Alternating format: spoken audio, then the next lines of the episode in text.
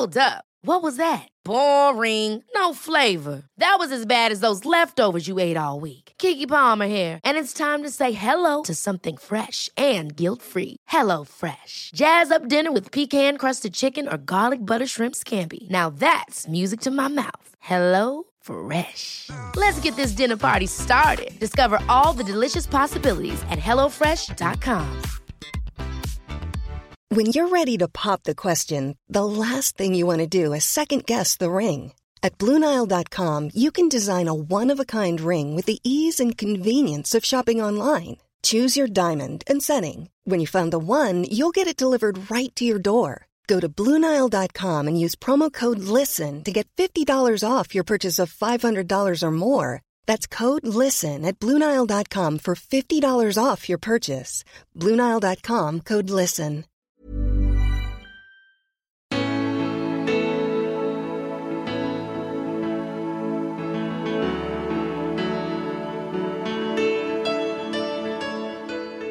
Så kan man säga att Marston var forskare på den tiden det begav sig. Han skrev en bok som, som, som handlar om det här då. Men hans idé om disk från början handlar mycket om, om man översätter DISC, Dominance, Inducement och så vidare. Så kom man ganska snabbt till vad han var intresserad av. Och det var det här med BDSM och bondage. Det finns ju många organisationer som har köpt in det här med disk, diskanalys och, och använder sig det i rekrytering, ledarskapsprogram, eh, och bygga grupper och sådär. Och det är ju ren ram liksom horoskop om man ska titta på hur mycket stöd det har vetenskap. Däremot för omgivningen, det finns en sån där metafor någon har skrivit i någon artikel att det är ungefär som att sitta i en cool sportbil och köra fram i Avenyn i 220. Den som sitter i sportbilen själv, narcissisten, mår ju ganska bra och tycker det är coolt. Däremot de omgivande trafikanterna får ju passa sig. Vad finns egentligen i den poppsykologiska godispåsen? Vad är fina färska godisar? Vad är gammalt? Vad är rent hundgodis? Och varför är det så förbannat svårt att skilja på dessa? Psykologiprofessorn Magnus Lindvall tar oss ut på en resa där vi diskuterar varför vi så gärna jagar bättre självkänsla, varför det mesta i självhjälpsindustrin inte är mer värt än horoskop och tarotkort och varför det faktiskt är ett samhällsproblem. Dessutom så får du hela storyn varför du inte är omgiven av människor i fyra färger, dåliga chefer och idioter. Utan av ren idioti.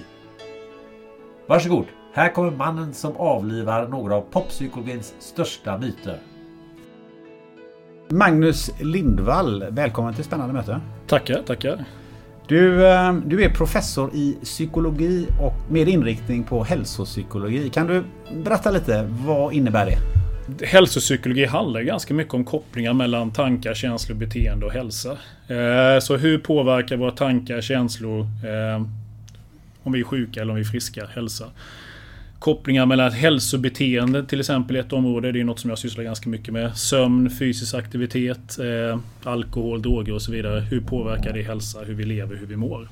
Så hälsopsykologi är ett sånt område som är väldigt, väldigt brett det är svårare att, försöka isolera vad det är som inte får plats inom hälsopsykologi.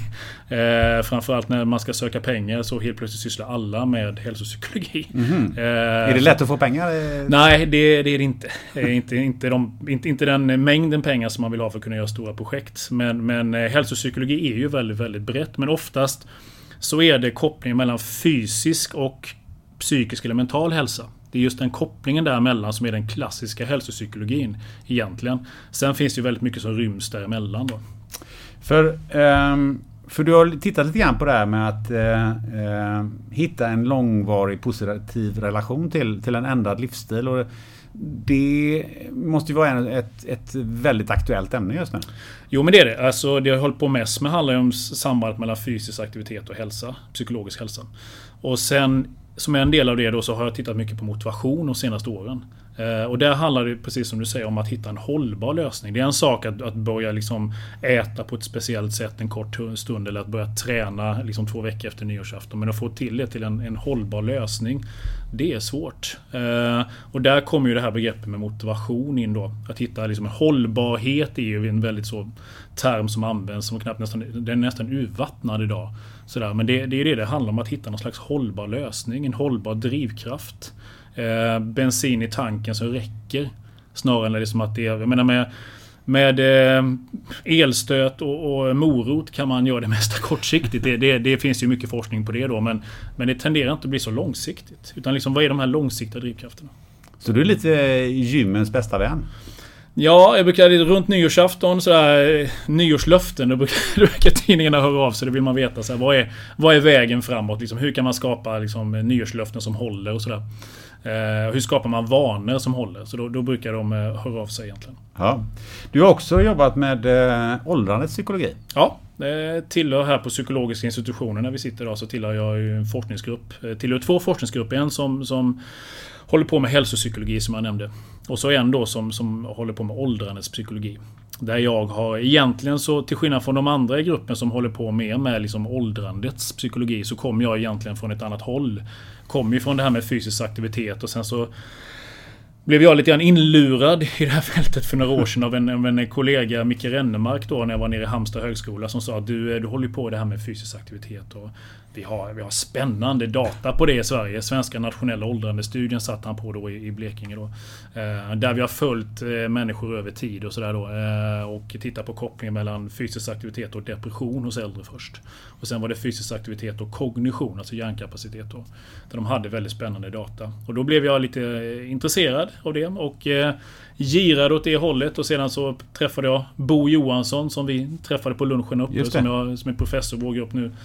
Eh, nyligen pensionerad. Eh, som, eh, som fick mig in på det här spåret. Då. Och eh, sedan så, så jag har egentligen hållit på lite grann med, med egentligen samma sak, fysisk aktivitet, psykologisk hälsa. Men tittat på egentligen på äldre personer där vi har väldigt spännande data också över tid.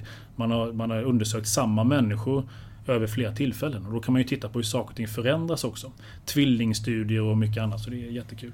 Det låter som eh, han är en eh, potentiell eh, gäst för ett annat poddavsnitt tror jag. Det här är ju, det är ju superintressant ämne. Ja, jag tror framförallt det. Det vi hållit på med flaggskeppet har ju varit de senaste åren en, en studie som heter Hearts. Som handlar om pensionering. Health Aging and Retirement Transition i Sweden. Då vi har följt samma människor, ett antal personer mellan 60 och 66 år, en gång om året och ser vad som händer när man går i pension.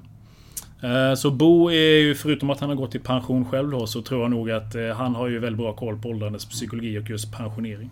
Men sen har du halkat in på en annan grej. Eh, och det är från crap till helt okej. Okay. Ja, just det. eh, där eh, du avlivar eh, så populära psyko, eller psykmyter. Heter det? Ja, precis. Psyko, psyko eller psykmyter kan man väl kalla det. Mm. Eh, det finns ju en hel del sådana här saker som vi tror på, som vi hör vid middagsbordet eller på festen, men som liksom inte finns någon källa till. Så här, råttan är pizzans sägner. Och inom psykologi så finns det ju väldigt många sådana. Eh, inom det man kan kalla för populärpsykologi. Det vi möter i poddar, eh, tidningar, föreläsningar, motivationsföreläsare och sådär. Eh, en hel del av det som sägs och hörs där ute är ju bra, nyttig information som har stöd i forskning. Eh, kan vi kalla för bra populärpsykologi. Men en hel del utav det tyvärr är också, jag skulle vilja kalla för dålig populärpsykologi. Sådan som inte har stöd i forskningen, som är i princip psykomyter, som, som inte har stöd någonstans. Men som låter väldigt, väldigt eh, spännande och låter väldigt logiskt. Ungefär som vi kan säga att det är ungefär som en Big Mac, en snabbmat. tycker vi smakar väldigt gott men det kanske inte är det bästa för oss att käka jämt.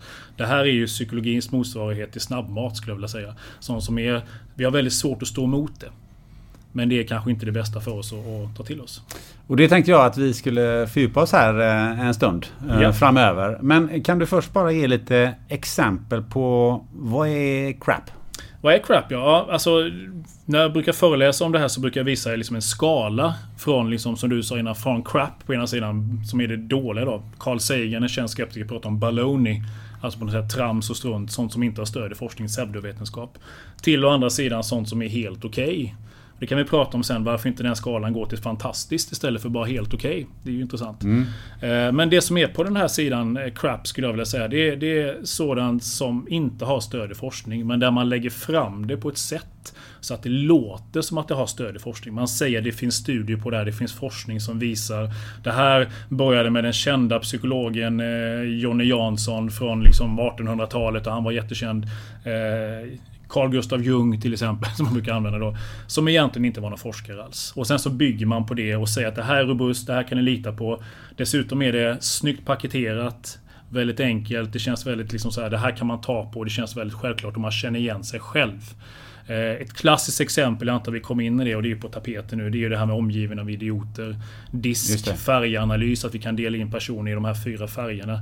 Som eh, baseras på en person, eh, eh Marston hette han, skrev en bok 1928 forskare med den tidens mått. Men som egentligen inte... Hans idéer har ju förkastats av forskningen. De har inte lyfts fram överhuvudtaget. Och det finns inget spår i forskning överhuvudtaget idag. Och det är ingenting som vi ska tro på. Men det är det som ligger bakom de här färganalyserna. Liksom. Det ska vi absolut eh, komma in på. Men eh, du har ju också de här lite mer, eh, ja men sådär säger man typ. Vi använder bara 10% av hjärnkapaciteten ja. och sådana där grejer. Är det också sån, eh, vad man tar inom, inom området crap? Jo men det kan man säga. Min, min bakgrund är ju framförallt idrottspsykologi från början. Och där har det funnits en hel del sådana här psykomyter kring just till exempel mental träning och kring hjärnan. Eh, att vi bara använder 10% av vår hjärnkapacitet som är en total myt givetvis. Men det låter ju schysst om du ska sälja en bok eller program eller någonting. Kan man med, ditt, med, ditt, med, din, med din eh, metod öppna upp 5% mer av hjärnan så kan du tänka själv hur du skulle kunna göra med det. Så det är en sån där myt att vänster och höger hjärnhalva de har olika funktioner. Att man, man skulle kunna medvetet träna vänster eller höger hjärnhalva. Det är också något som är taget helt ur sin kontext. Eh, att hjärnan inte kan se skillnad på fantasi och verklighet. Hör man ibland att man använder som en slags eh, försvar när man ska använda visualisering. Att man kan lura hjärnan till massa saker. Och det är Alltså många av de här myterna ligger en uns, ett korn av sanning i botten. Men man har liksom gjort, byggt en hel liksom, hönsfabrik av en fjäder på något sätt. Det, det, går inte att journalisera det på det här sättet. Det blir helt snett. Så det är det nog också som gör att det, det, är så svårt att stå emot det. För att det känns lite så här, ja men det måste ligga lite sanning i botten. Men det blir helt fel. Så det finns många sådana här myter kring hjärnan, hjärnmyter på något sätt som inte stämmer. Eh, men innan vi ger oss in i några av de här eh, crappen så eh, har ju du eh, pratat om den poppsykologiska godispåsen. Det var en föreläsning som, som jag lyssnade på. Det var första gången eh, som vi fick kontakt med varandra. Kan du eh, berätta lite vad, vad innehåller den poppsykologiska godispåsen? Ja, just det. Vad innehåller den? Eh, det, det, är ju för det första inte något som har stöd i forskning så det är ingen idé att någon googlar efter den. för då kommer man inte hitta någonting. Det är liksom mitt eget sätt att försöka liksom skapa en bild av det här. Jag gillar liknelser. Eh, det handlar egentligen om bakgrunden. varför är det så svårt att se igenom de här budskapen egentligen? Och jag tror att det hade varit lättare att se igenom om allt hade varit crap. Det de säger. Det hade varit lätt att se liksom, det här håller inte. Problemet är att de flesta som är ute och pratar eller kör poddar eller föreläser blandar och ger väldigt mycket. Om du tänker dig en godispåse en fredagkväll, man har köpt en, en eh, lösgodispåse. Och i den så innehåller tre sorters godisar. Det ena är liksom en typ av godis som du gillar, fräscha bitar. Det är det motsvarande det som har stöd i forskningen. Den andra delen är kan man säga sådant som är gamla godisbitar som ser goda ut men de har legat 5-7 veckor för länge i butiken. Sådana gamla sockerbit som knakar när man, man tuggar på den. Eh, det är sånt som vi trodde på för 30-40 år sedan i forskningen. Men som inte har stöd idag. Och sen den sista biten då kan man säga någon slags hundgodis, fake-godis. Sånt som ser ut som godis. Men som egentligen är någonting helt annat. Och det är ju sånt som aldrig haft stöd i forskningen. Problemet när man lyssnar och läser böcker eh, om populärpsykologi är att det blir en väldig blandning. Man börjar med tre, tre meningar om sånt som faktiskt jag skulle säga samma sak och andra forskare. Det har stöd i forskningen och sen skarvar man in snabbt på tre, fyra, fem meningar eller en passage om sånt som vi trodde för 20-30 år sedan men där, idag vet vi bättre. Det håller inte i hjärnan. Du använder inte 10% av din hjärnkapacitet. Det håller inte.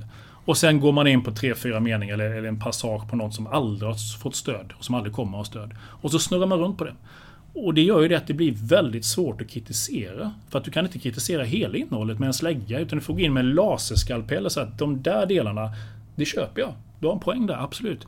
Det där, ah, gul flagg, gul, gult, eh, vad heter det? Eh, heter det, ha ljus, eh, trafikljus, gult trafikljus på det. Eh, och det här, rött trafikljus på det, det har aldrig haft stöd. Så du måste väldigt selektivt gå in och det är till och med för journalister som är väldigt pålästa och duktiga. Väldigt, väldigt svårt att kritisera. Det har jag märkt en tendens de senaste 10-15 åren. Liksom att det, det, blir mycket, mycket mer komplicerat innehåll i gottepåsarna när man säljer det. Och många drar mer åt forskning och vill att man ska säga att man har vetenskap i botten. För att det är det som är gångbart idag. Vetenskap har hög tillförlitlighet. Det vill många kunder där ute ha. Och då, det, då försöker man liksom att dra det till hållet och smygskarva lite åt det hållet. Svårt att igenom. Du, jag tänkte att vi ska låta den här godispåsen eh, ligga här på bordet en stund. Ja. Eh, och så ska vi eh, sortera ut några sådana här riktigt äckliga eh, hundgodisar.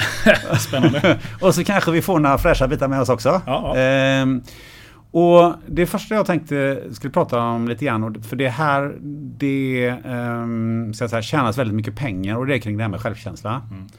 Eh, Det finns ju då någonting som är, säger låg självkänsla är roten till de flesta problemen. Hög självkänsla är lätt och löser alla problem. Och det vet jag att du tycker att det är rent hundgodis. Ja, nej men det, det är rent hundgodis och det finns ju mycket forskning på det. Det är en av de här myterna kring självkänsla. Jag skrev ju min egen, min forskning, min eh, doktorsavhandling skrev jag om självkänsla i början på 2000-talet och fick liksom eh, fördjupa mig i det området som är jättespännande. Och det är inte så att hela det här fältet, att man är överens, har konsensus. Men det ligger väldigt långt ifrån den bilden som har spridits i självhjälpsböcker som kom från USA från början och som sedan spreds i Sverige. Eh, och den här idén just om att självkänsla liksom är roten till allt det onda. Det, det hade man ju i USA och tänkte liksom, kan vi bara få ordning på allt det här? Kan vi bara liksom rätta till självkänslan för våra barn och ungdomar framförallt så kommer vi slippa allt problem i samhället. Och det var den idén man hade, så tillsätter man massa medel kring det. Men det visade sig att så enkelt var det inte. Utan man har fått liksom den här modellen om bakfoten förmodligen.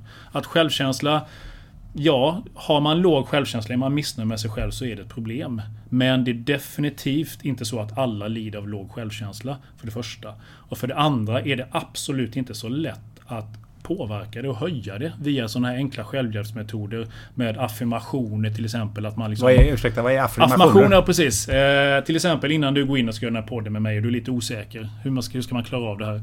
Så skriver du upp några saker på, på spegeln på toaletten. Jag är en bra poddare. Gunnar är en bra poddare. Eh, det är påståenden om sig själv. Positiva påståenden som man liksom upprepar hela tiden och som man då till slut så ska man tro på det själv. Man övertygar sin hjärna om att det är sant. Och det ligger något väldigt förrädiskt enkelt i det där. Liksom, det är bara liksom programmera sig själv om det, så kommer det funka. Det var till och med på Solsidan igår. Programmet eh, så pratade de om det, de skojade om det att han skulle övertyga sin kompis om att eh, hans eh, svåger var en bra människa. Det handlar bara om att övertyga sig själv. Upprepa det hela tiden. Palle är en bra person, Palle är en bra person, Palle är en bra person. Till sist så började tro på det. Det låter ju förrädiskt enkelt. Bara det att vi funkar inte så. Det, det liksom finns inte stöd för att, för att vår hjärna funkar och att den metoden kommer att funka.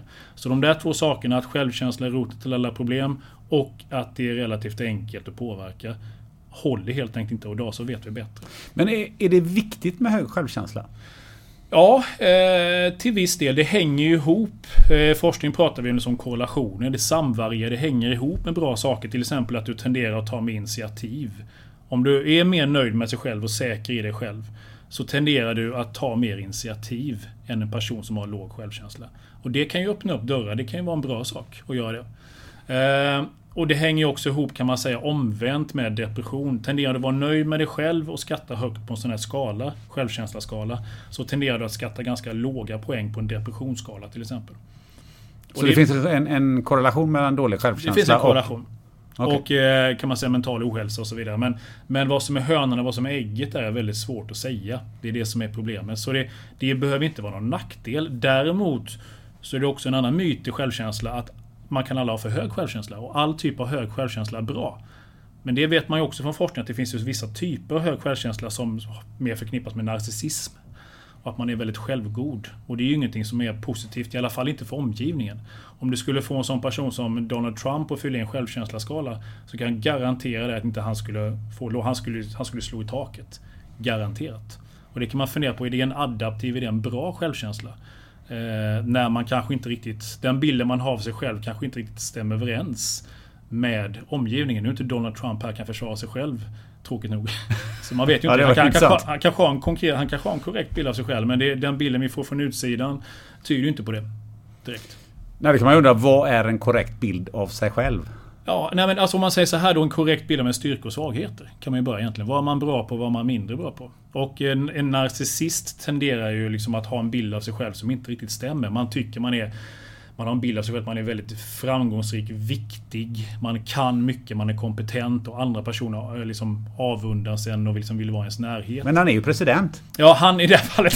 Han, han är ju precis som Zlatan. Nu ska man inte blanda göra mer, mer kopplingar mellan Zlatan och Trump då kanske. Men de, är- de är ju liksom ytterligheter på något sätt. Så att de passar ju inte in i något slags ramverk.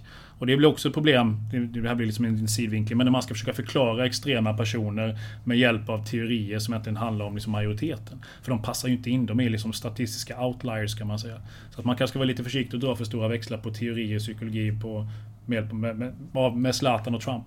Men är, är det mest eh, skadligt för deras umgänge eh, eller är det mest skadligt för dem själva?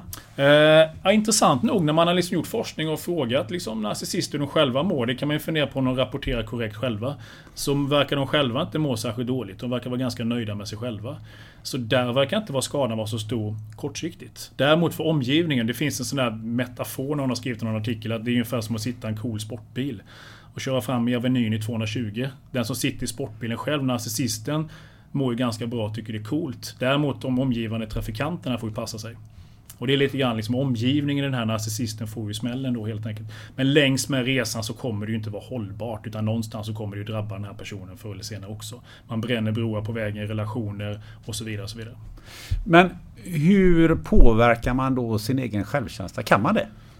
Ja, det kan man nog. Där, där tvistar de lärde. Där har vi ju ena sidan liksom bilden från liksom självhjälpsindustrin som inte baserar sig på forskning. Att det handlar om att blåsa upp din självkänsla konstgjort. Strunt samma vad du lyckas med eller vad det är som bygger självkänslan. Alltså blåsa upp den konstgjort. Intala dig själv att du är bättre än vad du är. Och det har ju visat sig att det där håller inte alls.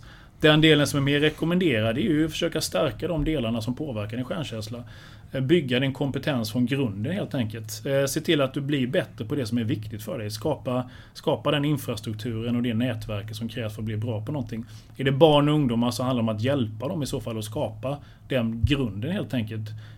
Att bli bra på de färdigheterna som är viktiga för dem. Och att hitta en justering också mellan det som är viktigt och, och liksom en realistisk bild av sig själv på något sätt. Men eh, du sa det här med barn och ungdomar. Alltså, hur mycket påverkas man eh, som, som barn och ungdom eh, när det gäller självkänsla?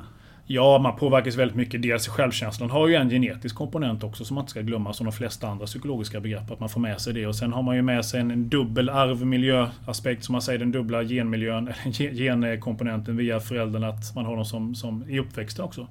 Via kompisar och sådär. Så det är klart man påverkas väldigt mycket. Eh, men det är det där samspelet mellan det man får med sig i generna, sina föräldrar och sin uppväxt. Lärare, kompisar, tränare, hela liksom uppväxten i det sociala spelet.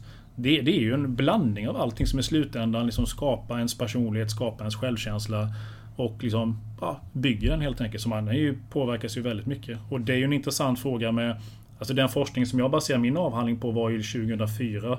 Kanske gjordes på 90-talet, början på 2000-talet. Det var ju, det var ju långt innan liksom sociala medier och allt det här då som har kommit nu. Så att det hade varit intressant att se liksom vad är det som har hänt? Hur påverkar den här nya liksom omgivningen som, som, som de unga idag, tonåringar idag lever i? Vad tror du? Jag tror så mycket annat att det är både gott och ont. Det är som diskussioner med, med skärm, skärmtid och stillasittande och hela det där. Liksom, att det är ju inte något bra. Jag forskar själv på fysisk aktivitet Såklart att jag tycker det är bra att man inte ska sitta stilla för mycket. Men, och det här är det som är intressant, det är stort men. Det är nog både och. När det gäller skärmtid så tror inte jag att det är så farligt som alarm, alarmen, alarmet har gått så att säga via vissa böcker, vissa framträdanden. Det är inte det vi ser i forskningen. Utan det är förmodligen innehållet. Vad du tittar på som är, som är väsentligt. Det är samma sak med självkänsla. tror jag. Det går inte att säga att just viss typ av sociala medier eller sociala medier överlag eller skärmtid överlag är skadligt eller bra. Det beror på innehållet lite grann och vem du är. Vem du är, matchen mellan vem du är och vad du konsumerar. Nej, men kan kontexten spela en roll? Ja, ja, det tror jag spelar jättestor roll. Absolut. Alltså, för jag såg igår på på nyheterna att man hade eh, då tagit bort mobiler ifrån lektioner. Jag tror till och med det ska införas något, någon lag om att man mm. inte ska få lov att använda mobiltelefonerna på, mm. med, på lektionstid. Ja. Eh, och det gjorde att ja, de började prata med varandra istället för att skicka eh, då sms eller snapchat till varandra. Ja. Jag menar, det, någonstans den del av kritiken som har kommit där, liksom till de här larmrapporterna, liksom skärm, skärmhjärna och hela det där så är det väl vettigt att det mänskliga mötet kan man, kan man inte ersätta hur som helst. Där ligger ju någonting. Och sitter du liksom 12 timmar på natten, du sover inte, du dricker Jolly-Cola och du liksom, du, du, det påverkar dina basbehov när du är ung. Det är klart att det får konsekvenser. Det behöver man ju inte vara någon Einstein för att räkna ut sådär. Men just liksom, det är inte riktigt så enkelt. Och det är väl det som är kännetecknande för forskning överlag i alla de här myterna som finns där ute det är sällan så enkelt när man går ner och kikar på det och krafsar på ytan och gräver lite djupare. Det finns helt plötsligt mycket men och om och kanske. Och det är det som är så, så spännande. Men det gör det också svårt att paketera den här kunskapen. Selling a little or a lot? Shopify helps you do your thing however you cha-ching. Shopify is the global commerce platform that helps you sell at every stage of your business. From the launch your online shop stage to the first real life store stage, all the way to the did we just hit a million orders stage. Shopify is there to help you grow. Shopify helps you turn browsers into buyers with the internet's best converting checkout. 36% better on average compared to other leading commerce platforms because businesses that grow grow with Shopify. Get a $1 per month trial period at Shopify.com slash work. Shopify.com slash work.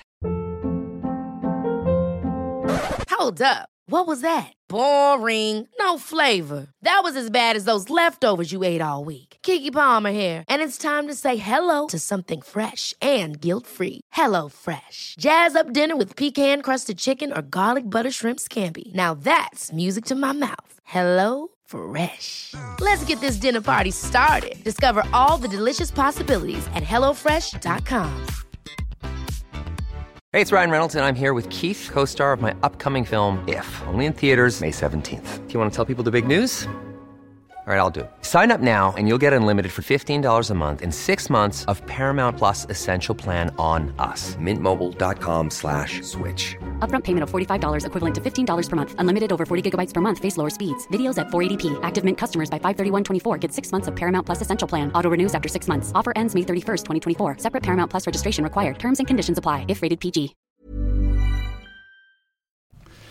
Finns det någonting i, eh, i livet eller finns det situationer i livet där man blir mer påverkad i sin självkänsla? Alltså typ om man varit med om något traumatiskt eller, eller någonting åt det hållet. Finns det situationer där man eh, så att säga blir mer skör? Ja, det tror jag nog. Alltså överlag är ju tonåren en period. Det finns inte så värst många bra studier. Man hade velat ha liksom en stor studie om man har följt människor från att de var jättesmå till hela livet som man hade kunnat undersöka där. Men det finns ju tyvärr inte. Den datan har vi inte. Utan framförallt är det ju när man har följt tonåringar så ser man ju att där händer ju ganska mycket också. Inte så konstigt med tanke på omgivningen och puberteten och allting. Där förändras ju självkänslan ganska mycket just under de åren. Sen blir det ju stabilare när vi, liksom, när vi kommer över en viss ålder och vi får liksom ett, på något sätt omgivningen, kontexten blir mer stabilare. Men sen är det klart om sådana här saker som händer med dödsfall, skilsmässa, eh, saker och ting händer i jobbet, bra eller dåligt. Det är klart att definitivt det påverkar. Vi håller ju på med, som jag sa, pensionering. Det är ju en ganska intressant milstolpe som, som drabbar de flesta på något sätt, på ett, på ett eller annat sätt. Att man går från arbete till någonting annat. Hur det påverkar människors liksom, självkänsla. Eh, där vissa kanske har förlagt en stor del av sitt självvärde just i jobbet. Medan andra, liksom, för dem är bara jobbet, det har ingenting med vem jag är och vad jag tycker att jag är värd. Utan det är bara ett sätt för mig att få se till att få mat på bordet eller pengar så att jag kan liksom göra det som jag vill göra, det som är jag. Och då får du inte alls lika stor påverkan. Så att säkerligen är vissa områden i livet mer känsliga för det. För jag tänker just på det här med, med jobbet, det är ju så tydligt att det är väldigt många människor som bygger sitt liv på, på jobbet. Ja, ja. Oh, ja. Och akademiker inte minst tror jag. För att där, där kanske man är på... När man, liksom, när man går som man är 67 idag. Då kanske man är på topp av sin förmåga. Du har inga problem rent fysiskt som många andra yrken att verkligen det är jobbigt. Utan liksom man står på toppen av sin förmåga när det gäller just forskning. Och, och man liksom verkligen har mycket att ge. Och då så tvingas man mot sin vilja lämna. Och det är också något som är ganska tufft. Det har jag ju sett ett och annat exempel, inte alla men det sker ju här också inom den världen jag är. Liksom, att, att man tvingas gå. Man, det blir ett ganska bittert avslut. Och man förlägger mycket av sin självkänsla i just jobbet. Då gäller det att hitta någonting annat som man kan fylla det med. Medan jag har andra exempel som de har barnbarn och de spelar golf. Och liksom de, ja okej, jag kommer inte göra slut med mitt jobb nu. Men jag har en helt annan relation och jag kan styra min tid själv. Det ska bli så skönt. Det är en helt annan resa och liksom göra den övergången på det sättet. Kan fysisk eh, aktivitet och träning eh, förbättra ens eh, självkänsla? Ja, det var det min avhandling handlade om. Och på, inte på äldre utan på barn och unga då. Och det är väl mycket som tyder på det. Att överlag så är fysisk aktivitet och träning en ganska bra investering när det gäller självbild. Jag tittade ju inte bara på självkänsla. Eh, det är ju ett träsk alla de här begreppen runt självbild och självkänsla och sådär. Men hur man, hur man ser sig själv, ens kroppsuppfattning, ens, ens uppfattning om hur duktig man är på saker och ting. Och där finns det en hel del forskning som, som pekar på att just fysisk aktivitet och träning och idrott kan påverka det. Framförallt om det också leder till vissa saker som är viktiga för självkänslan. Till exempel att du känner dig kompetent. Att du får vissa psykologiska behov tillfredsställda via din träning eller via idrott. Då. Eh, att du känner dig till exempel kompetent. Att du klarar av det du ska göra. Då ökar sannolikheten också att det påverkar självkänslan.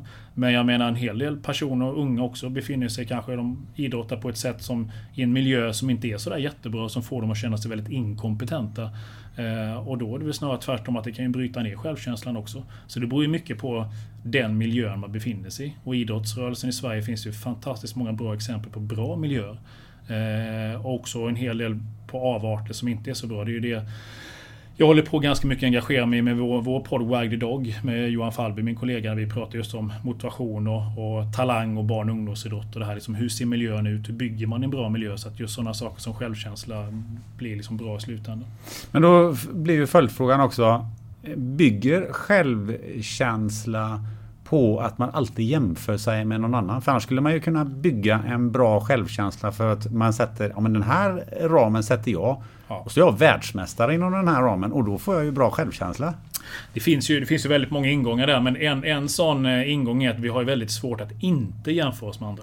Det är liksom en sån här sak vi får med oss, för det har varit viktigt förr i tiden evolutionsmässigt. Liksom att hela tiden hålla koll på gruppen, jämföra sig. Var står jag jämför med de andra?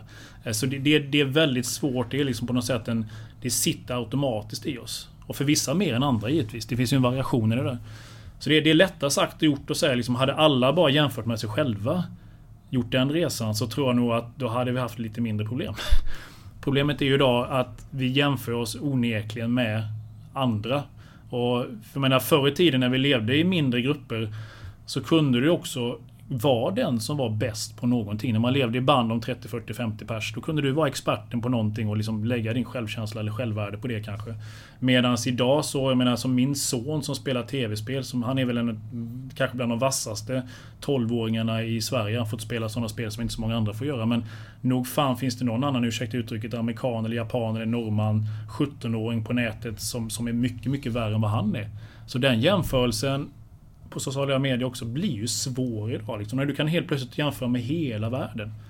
Ja, för, är, ja. för, för eh, folk säger ju till mig ibland så här, Du Gunnar, jag skulle gärna vilja vara bäst på någonting. Ja. Och då säger jag så här, ja, ska du vara bäst i, eh, i grannskapet? Eller ska du vara bäst i, i Lerum? Eller ska du vara bäst i Västsverige? Eller ska du vara bäst i världen? Ja. Vad menar, menar du med bäst? Nej men det är ju jättesvårt. Förr i tiden, jag menar jag är inte lastgammal eller på att säga. Jag är typ närmare med 45 nu då. På vår tid när vi gick i plugget liksom, då, då hade man ju referensramen skolan och kompisgänget. Innan, liksom, in, innan internet till och med faktiskt. Sådär liksom, då, du kunde vara bäst i klassen eller bäst i högstadiet eller på något sätt om man var riktigt vass på någonting sådär. Men idag, jag menar även om du är bäst i klassen, ja okej, okay, bäst i skolan, ja, ja, ja. Men fortfarande är det ingen. För du har bara, du har bara liksom 25 000 följare. Uh, du ligger liksom nummer 250 i Sverige ändå, du är inte i närheten. För att du liksom breddat perspektivet. Så som du säger, det beror ju på vad man jämför med, vad som är relevant. Och idag så lever vi ju inte i band om 30-40. Ibland så, idag så har vi hela världen att jämföra med. Och det är som svårt. Men när det gäller självkänslaforskningen kort ska jag säga också, så finns det lite teorier som menar på att man kan titta på att vissa personer har glasögon när man bedömer sig själva som mer utgår från att de, de tittar på vad är, vad är det som, hur jämför jag med med mig själv? Hur anstränger jag mig? Ansträngning är viktigt för mig finns en forskare som heter Carol Dweck som har tittat på det här ganska mycket. Medan andra handlar mer om liksom att man jämför mer med andra. Eh, och att, liksom att på något sätt att så duktig som jag är eller så smart jag är.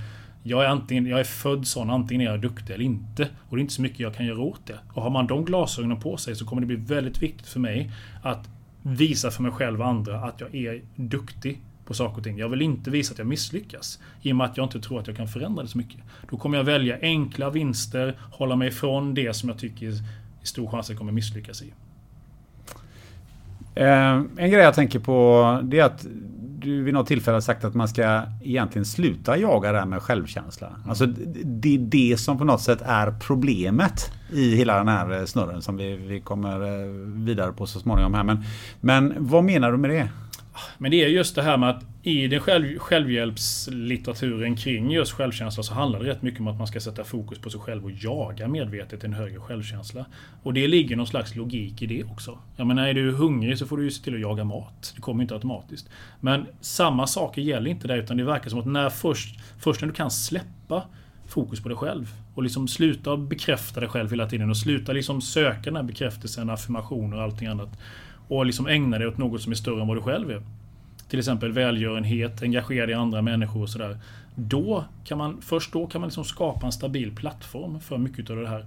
Och det är så enkelt att säga men givetvis väldigt svårt att göra. Så att det ironiska i allt det här med de här självhjälpsböckerna och hela den industrin är ju det kanske inte bara att det verkar vara ganska tandlöst och ineffektivt.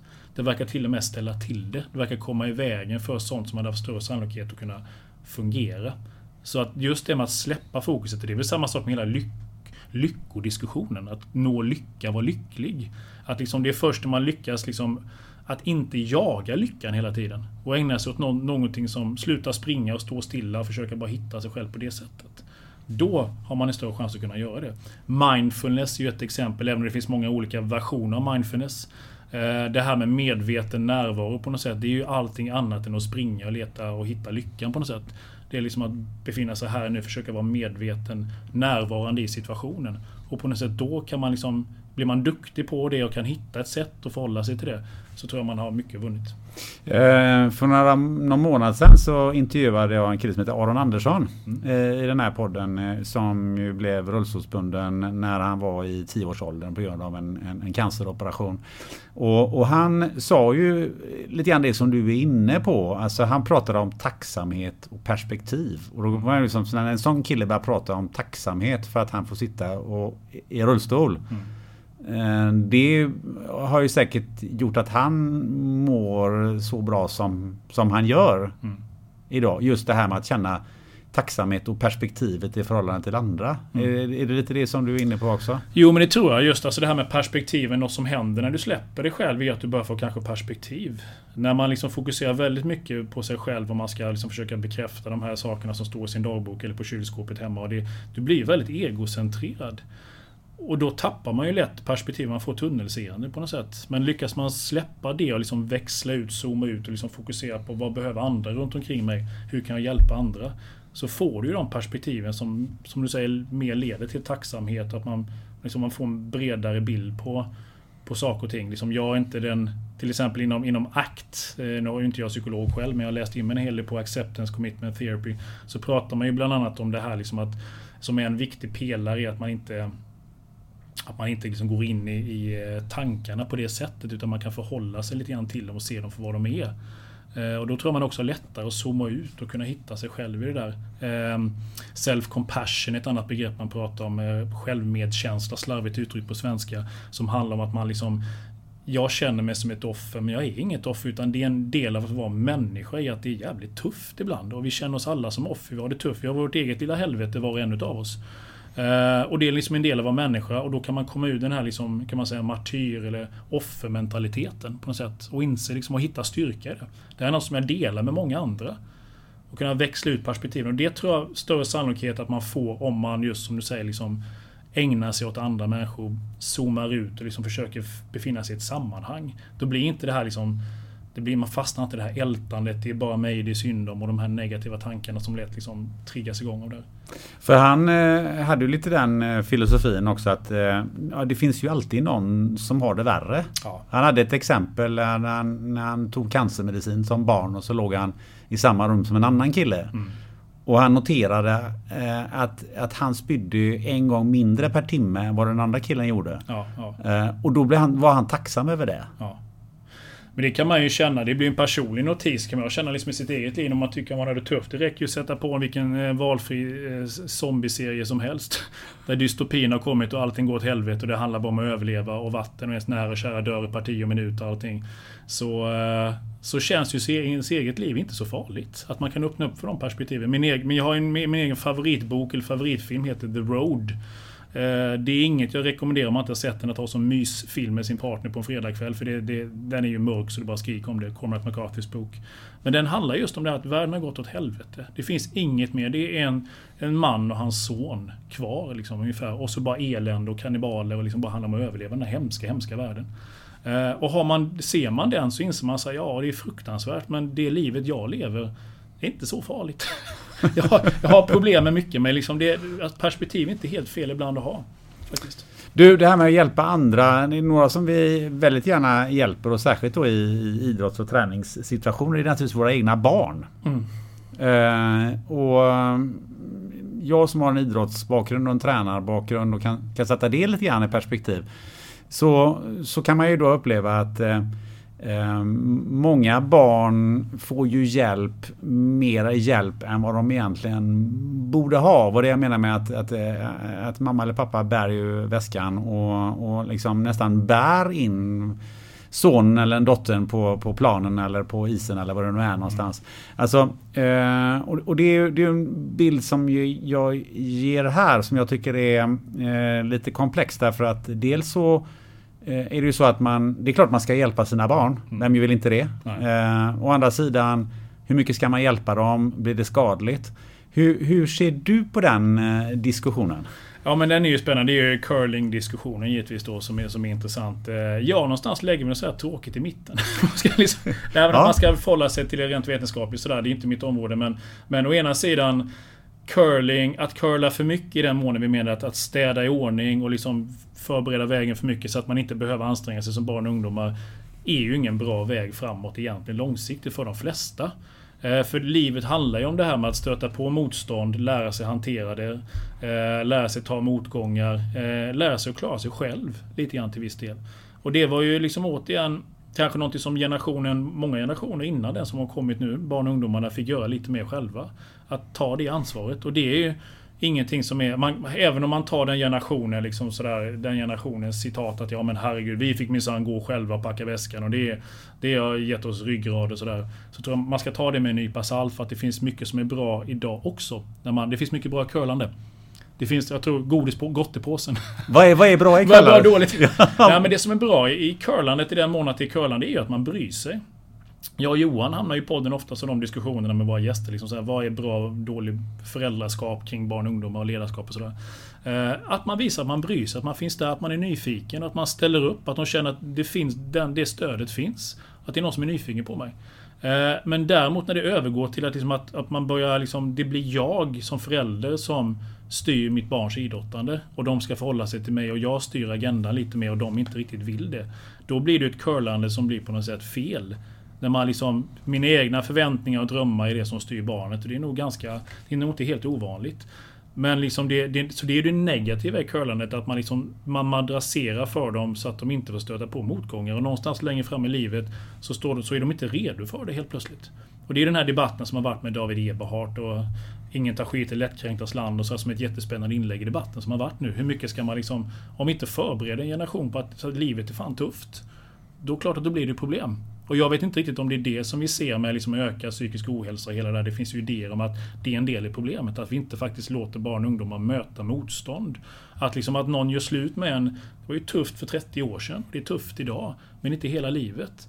Å andra sidan liksom att, att, liksom att låta dem göra allting själv. Det är ju lätt att det där curlandet slår över på andra hållet. Pendeln går för långt, att vi ska liksom låta dem göra sin egen resa och sina egna misstag. Ja, går det för långt åt det hållet så tror jag också man får problem. För då är det väldigt nära att inte bry sig. Nej, för att eh, återigen koppla tillbaka till Aron Andersson som, som ju sitter i sin rullstol och, och har eh, rätt mycket att göra med andra barn och ungdomar som också sitter i rullstol och som ja. vill idrotta och så vidare. Så han, eh, han sa ju det eh, att det största problemet är att man inte ställer krav på människor. Ja.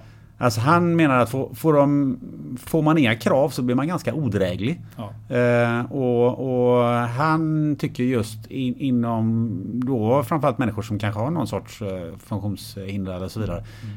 Att det ställs alldeles för lite, eh, för lite krav. För han tycker att vi gör dem en otrolig björntjänst. Mm. Mm. Nej men det, det tror jag absolut. Alltså, men det handlar om att ställa krav som matchar ens förmåga. Och det, är där, det är där det blir svårt. Liksom att se vilka typer av krav kan man förvänta sig en, en 8-åring, en 10-åring, en 12-åring, en 14-åring.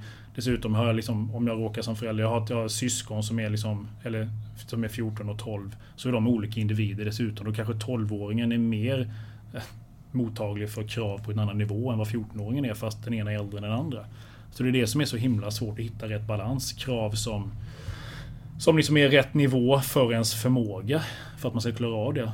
Eh, jag menar, jag brottas ju med det ständigt som förälder till en 12-åring som har en muskelsjukdom som, liksom, som sitter i rullstol hemma. Liksom är rätt att ändå liksom inte så att han blir på något sätt bortskämd på det sättet utan att han ändå förstår att det handlar om vissa krav.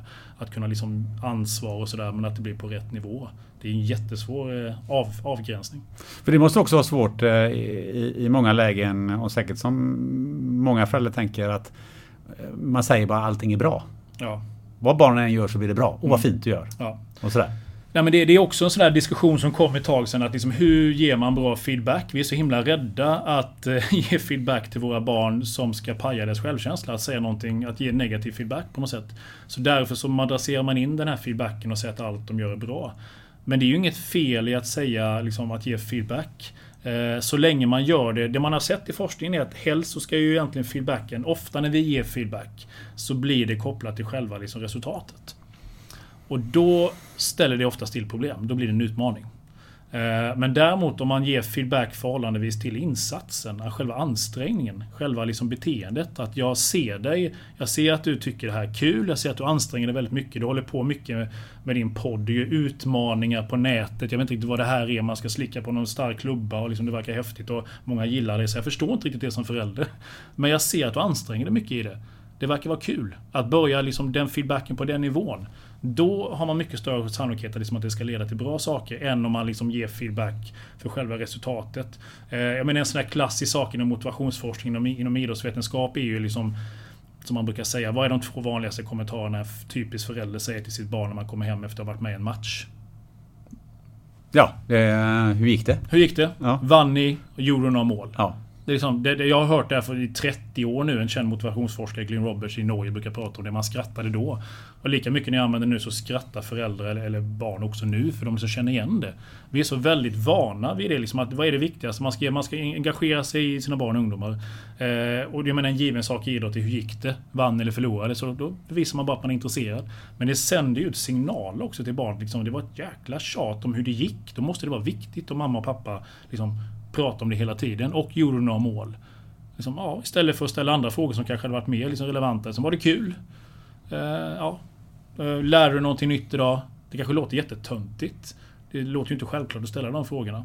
Och barnet kanske säger så. Lärde du något nytt? Det var en ny fråga mamma och pappa säger. Ja, vi fick stryk med 10-0. Vad tror du själv? Okej, ja då är vi tillbaka i det där andra då egentligen. Ja. Så att de här, de här normerna som finns i samhället, att det handlar om resultat, det handlar om att vinna och försvinna. De, de finns ju där. Och det är ju det är jättesvårt att förhålla sig till det. Men det handlar ju också lite grann om drivkraft. Ja. Alltså, eh, och där har jag en fundering eh, som lite utgår från mig själv. För att eh, när jag var ung, säg upp till jag var kanske 10-12 års åldern, så hade jag det tufft. En hel del med, med just med mobbing och, och, och såna grejer. Eh, och det har blivit en drivkraft för mig. Att eh, det här med jag ska nog eh, visa dem. Eh, ja, åtminstone på den tiden, kanske inte lika mycket nu. Eh, hur ser du på den typen av drivkraft? För då, då, då går man ju lite dit här och säger så att ja, de barnen som hade det har lite extra jobbigt när de är små. Det är de som brukar bli de stora eh, ledarna eller de stora som gör de här eh, entreprenörerna eller vad det nu är för någonting. Nu har jag inte haft det tillräckligt illa så att jag har blivit en stor entreprenör. Okej. Men, men det, det där, är, är det där en hundgodis eller är det, är det, finns det korrelationer där? Att, eh, att om man har haft det lite tuffare så brukar man kunna ta för sig mer i livet? Ja, det är ju en spänn, jättespännande fråga. Jag har inte järnkoll på den forskningen. Jag vet att det har dykt upp liksom inom, inom idrottspsykologisk forskning, de som har kommit väldigt långt, elitidrottare som har kommit långt, så finns det ju någon studie som visar att många av dem liksom jag ställer mig skeptisk till de resultaten lite grann, men att många av dem har haft det tufft. Och då är nästan att man är inne på att det är en förutsättning för att bli riktigt bra. För Zlatan är ju sånt Ja, men jag typ menar det. exempel. Det är å ena sidan. Att vi har, många, vi har många exempel på det som kommer fram. Också artister, eller det behöver inte vara bara inom idrotten, men liksom att många har haft det tufft. man har varit mobbad, de har gjort den här resan och nu liksom... Ja, så känns det som att det är det som har varit drivkraften och bensinen som har gjort att de har orkat med det. Och från därifrån så blir steget ganska nära. Ja, men då är det kanske inte så farligt med lite mobbing när vi är små. Det är något vi ska rekommendera till alla för det verkar vara en bra drivkraft för många sedan. Vilket är ju en helt absurd tanke egentligen givetvis. Och problemet är också lite grann, det är samma det här med vad som är vetenskap och vad vi gärna ser mitt framför oss. Vi ser ju de här exemplen som kommer fram. Eh, det är ju de vi ser och då tror vi att det är hela sanningen. Det är de här få enstaka exemplen på personer som har lyckats. Frågan är hur representabla de är av hela gruppen. Hur många, vi träff, ser ju bara dem då. Men hur många av de där barnen som blev mobbade, som hade det tufft, blev aldrig någonting? Gick aldrig hela vägen? Visar sig att de är vansinnigt många fler vilket jag skulle misstänka. Än de här få som lyckas ta sig från den gruppen och bli något, fast de hade en tuff början. Då är det ju inget, då är det ju någonting helt annat i så fall. Och det är det här klassiska misstaget man gör, att man bara tittar på träffarna eller missarna, det som syns. Vi letar liksom inte i mörkret där borta där, där, det, där det finns liksom, där all datan egentligen finns och tyngden ligger. Och det kanske är så i det här fallet att alla de där som faktiskt alla de där som, som hade det tufft men som inte blev något trots den bensinen de borde fått. Det är kanske är det som är majoriteten egentligen. Och ibland så kan det bli bra ändå. Ibland kan man använda det, ta drivkraft därifrån och så blir det bra. Å andra sidan så kanske det har blivit bra för dig. Eller för Zlatan eller för någon annan som hade haft det tufft trots att de inte hade haft det tufft. Vi får ju inte facit. Vi vet ju inte. Ibland känns det som att det är lite en knivsäggs eh, vandring att de som har det tufft, där blir det några stycken som blir extremt bra. Mm. Och sen finns det några stycken som bara ramlar rakt ner i, i det totala mörkret. Ja, det är nog möjligt. Alltså det är återigen, det är, det är, en, det är säkerligen en fin linje och mycket på vägen som avgör, som du säger, knivs, den där knivväggen om åt vilket håll det går. För jag menar, tittar man på utvecklingspsykologi och hälsopsykologi överlag och stressforskningen till exempel. Så är det liksom att man har, det, man har en tuff uppväxt är ju inget man rekommenderar direkt, alltså rent hälsomässigt. Det är ju ingenting som för någonting bra med sig generellt sett. Sen har vi maskrosbarn och liksom de som går mot strömmen och allt det där också. Men det är ju inte majoriteten skulle inte jag misstänka. Utan liksom har du det tufft, framförallt om du har haft det riktigt tufft med liksom missbruk och misshandel och mycket annat liksom när man varit ung och haft det runt omkring sig så hänger det ihop med en ökad risk för stress, stresskänslighet när man blir äldre. Vilket i sin tur hänger ihop med ökad risk för massa, massa problem och sjukdom och ohälsa så småningom.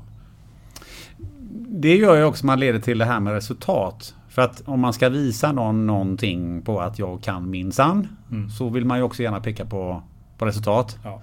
Och där finns ju en annan diskussion som jag tycker är, är rätt intressant eh, eh, i det här fallet. För att eh, i, i, dagens diskussion så finns väldigt mycket det här om att ja, men, eh, gör bara ditt bästa så tänk inte på resultatet. Mm. Ehm, och hade jag sagt det som, som coach och tränare på min tid till mina elitspelare så hade de nog tittat på mig och undrat liksom, nu har han druckit något olämpligt för nu är det något fel. Ja. Uh, och jag vet ju att de diskussionerna bland annat där, där, du har varit med, där har man ju just sagt att ja, men du når faktiskt längre om du steppar åt sidan från resultatet och säger att ja, men det eh, titta istället på och försöka göra ditt bästa. Mm. Um, och då tänkte jag utmana det lite grann för att det känns som att den typen av ståndpunkt um, är väldigt politiskt korrekt idag. Ja. Och då, ska, då kommer nästa fråga. Vad har man för stöd för att den, uh, det sättet att se på saker och ting uh, är bättre än att man ser på resultatet? Ja, alltså det finns nog inga direkta studier som har tittat på det på det sättet. Det som vi har stöd för det är ju indirekta bevis Eh, från forskningen. I det här fallet att det är liksom bättre. Man brukar prata inom idrottspsykologin till exempel, det här med liksom olika typer av mål. Att du, kan, du kan sätta mål kopplat till själva processen. Du kan sätta mål kopplat till prestationen. Det du, det du kan kontrollera själv och sånt som har med resultatet att göra. Och varför man liksom är noga med att fokusera där på framförallt processen som är liksom, om du tänker dig en trekant eller liksom en, en eh, vad ska vi kalla det? Ehm, Ja, en, en, pyramid helt enkelt. Så i botten på pyramiden så har du processen. För det är helt enkelt sånt du kan påverka själv. Där har du mer alltså påverkanskraft. Nästa del, prestationen, har du också till viss del mer påverkan på själv. Längst upp, resultatet, har du oftast väldigt begränsad påverkan på. Till viss del avgörs det av din egen insats och din egen prestation. Men framförallt till exempel lagidrotter så är det ju inte bara du utan du och dina lagmedlemmar som gör er prestation som ska mätas med massa andra personers prestation så det är en jäkla massa faktorer som ska mötas. Då det i slutändan blir ganska lite av din egen påverkan som påverkar resultatet. Så det kokar helt enkelt ner liksom att lägga fokus på det som du själv kan göra någonting åt. Och liksom ta tillbaka kontrollen på saker och ting. Det är ju, det är ju, utan att veta exakt så skulle jag misstänka att det är så som många av mina kollegor, de som är idrottspsykologiska rådgivare på fältet, jobbar. Just att det handlar om kontroll. Och jobba med det som vi kan påverka. Och det är, det är ju nästan lite grann, vad heter den gamla tolvstegsprogrammet? Nej men liksom Anonyma Alkoholisters sinnesrobönen. Att liksom på något sätt att se till så att jag liksom har modet att påverka det jag kan påverka och liksom också vet att jag kan acceptera det jag inte kan påverka och kunna se visdomen däremellan. Mycket av det kokar egentligen ner till det. Att kunna påverka det. Så det är inte så att inte resultatet är viktigt. Det fattar ju alla. Du själv har varit förbundskapten i volleyboll så har du liksom på den nivån. Då är det bara löjligt att inte säga att inte resultatet är viktigt. Eller liksom om du växlar upp liksom en sån här miljardindustri, fotboll, hockey. Det blir bara löj, löjets skimmer. För det är klart att det handlar om resultat i slutändan. Men återigen, hur når man resultatet? Och att bara liksom fokusera på resultatet i sig blir väldigt ytligt. Och du har inte så mycket kontroll på det egentligen. Det blir inte så effektivt på något sätt. Utan där finns det en större poäng att jobba underifrån, jobba med det du kan påverka. Och så vad du gör då att du ser inte till att du vinner till 100%. Du ökar sannolikheten för att du puttar liksom slumpbollen åt ditt håll långsiktigt. Och då har du större chans att jobba på det sättet. Så att PK, ja. Men det finns en anledning ibland till att PK är PK. Samma diskussion har vi om det här med Ska barn inte få tävla nu i barn och ungdomsidrott som har varit ett jäkla liv om?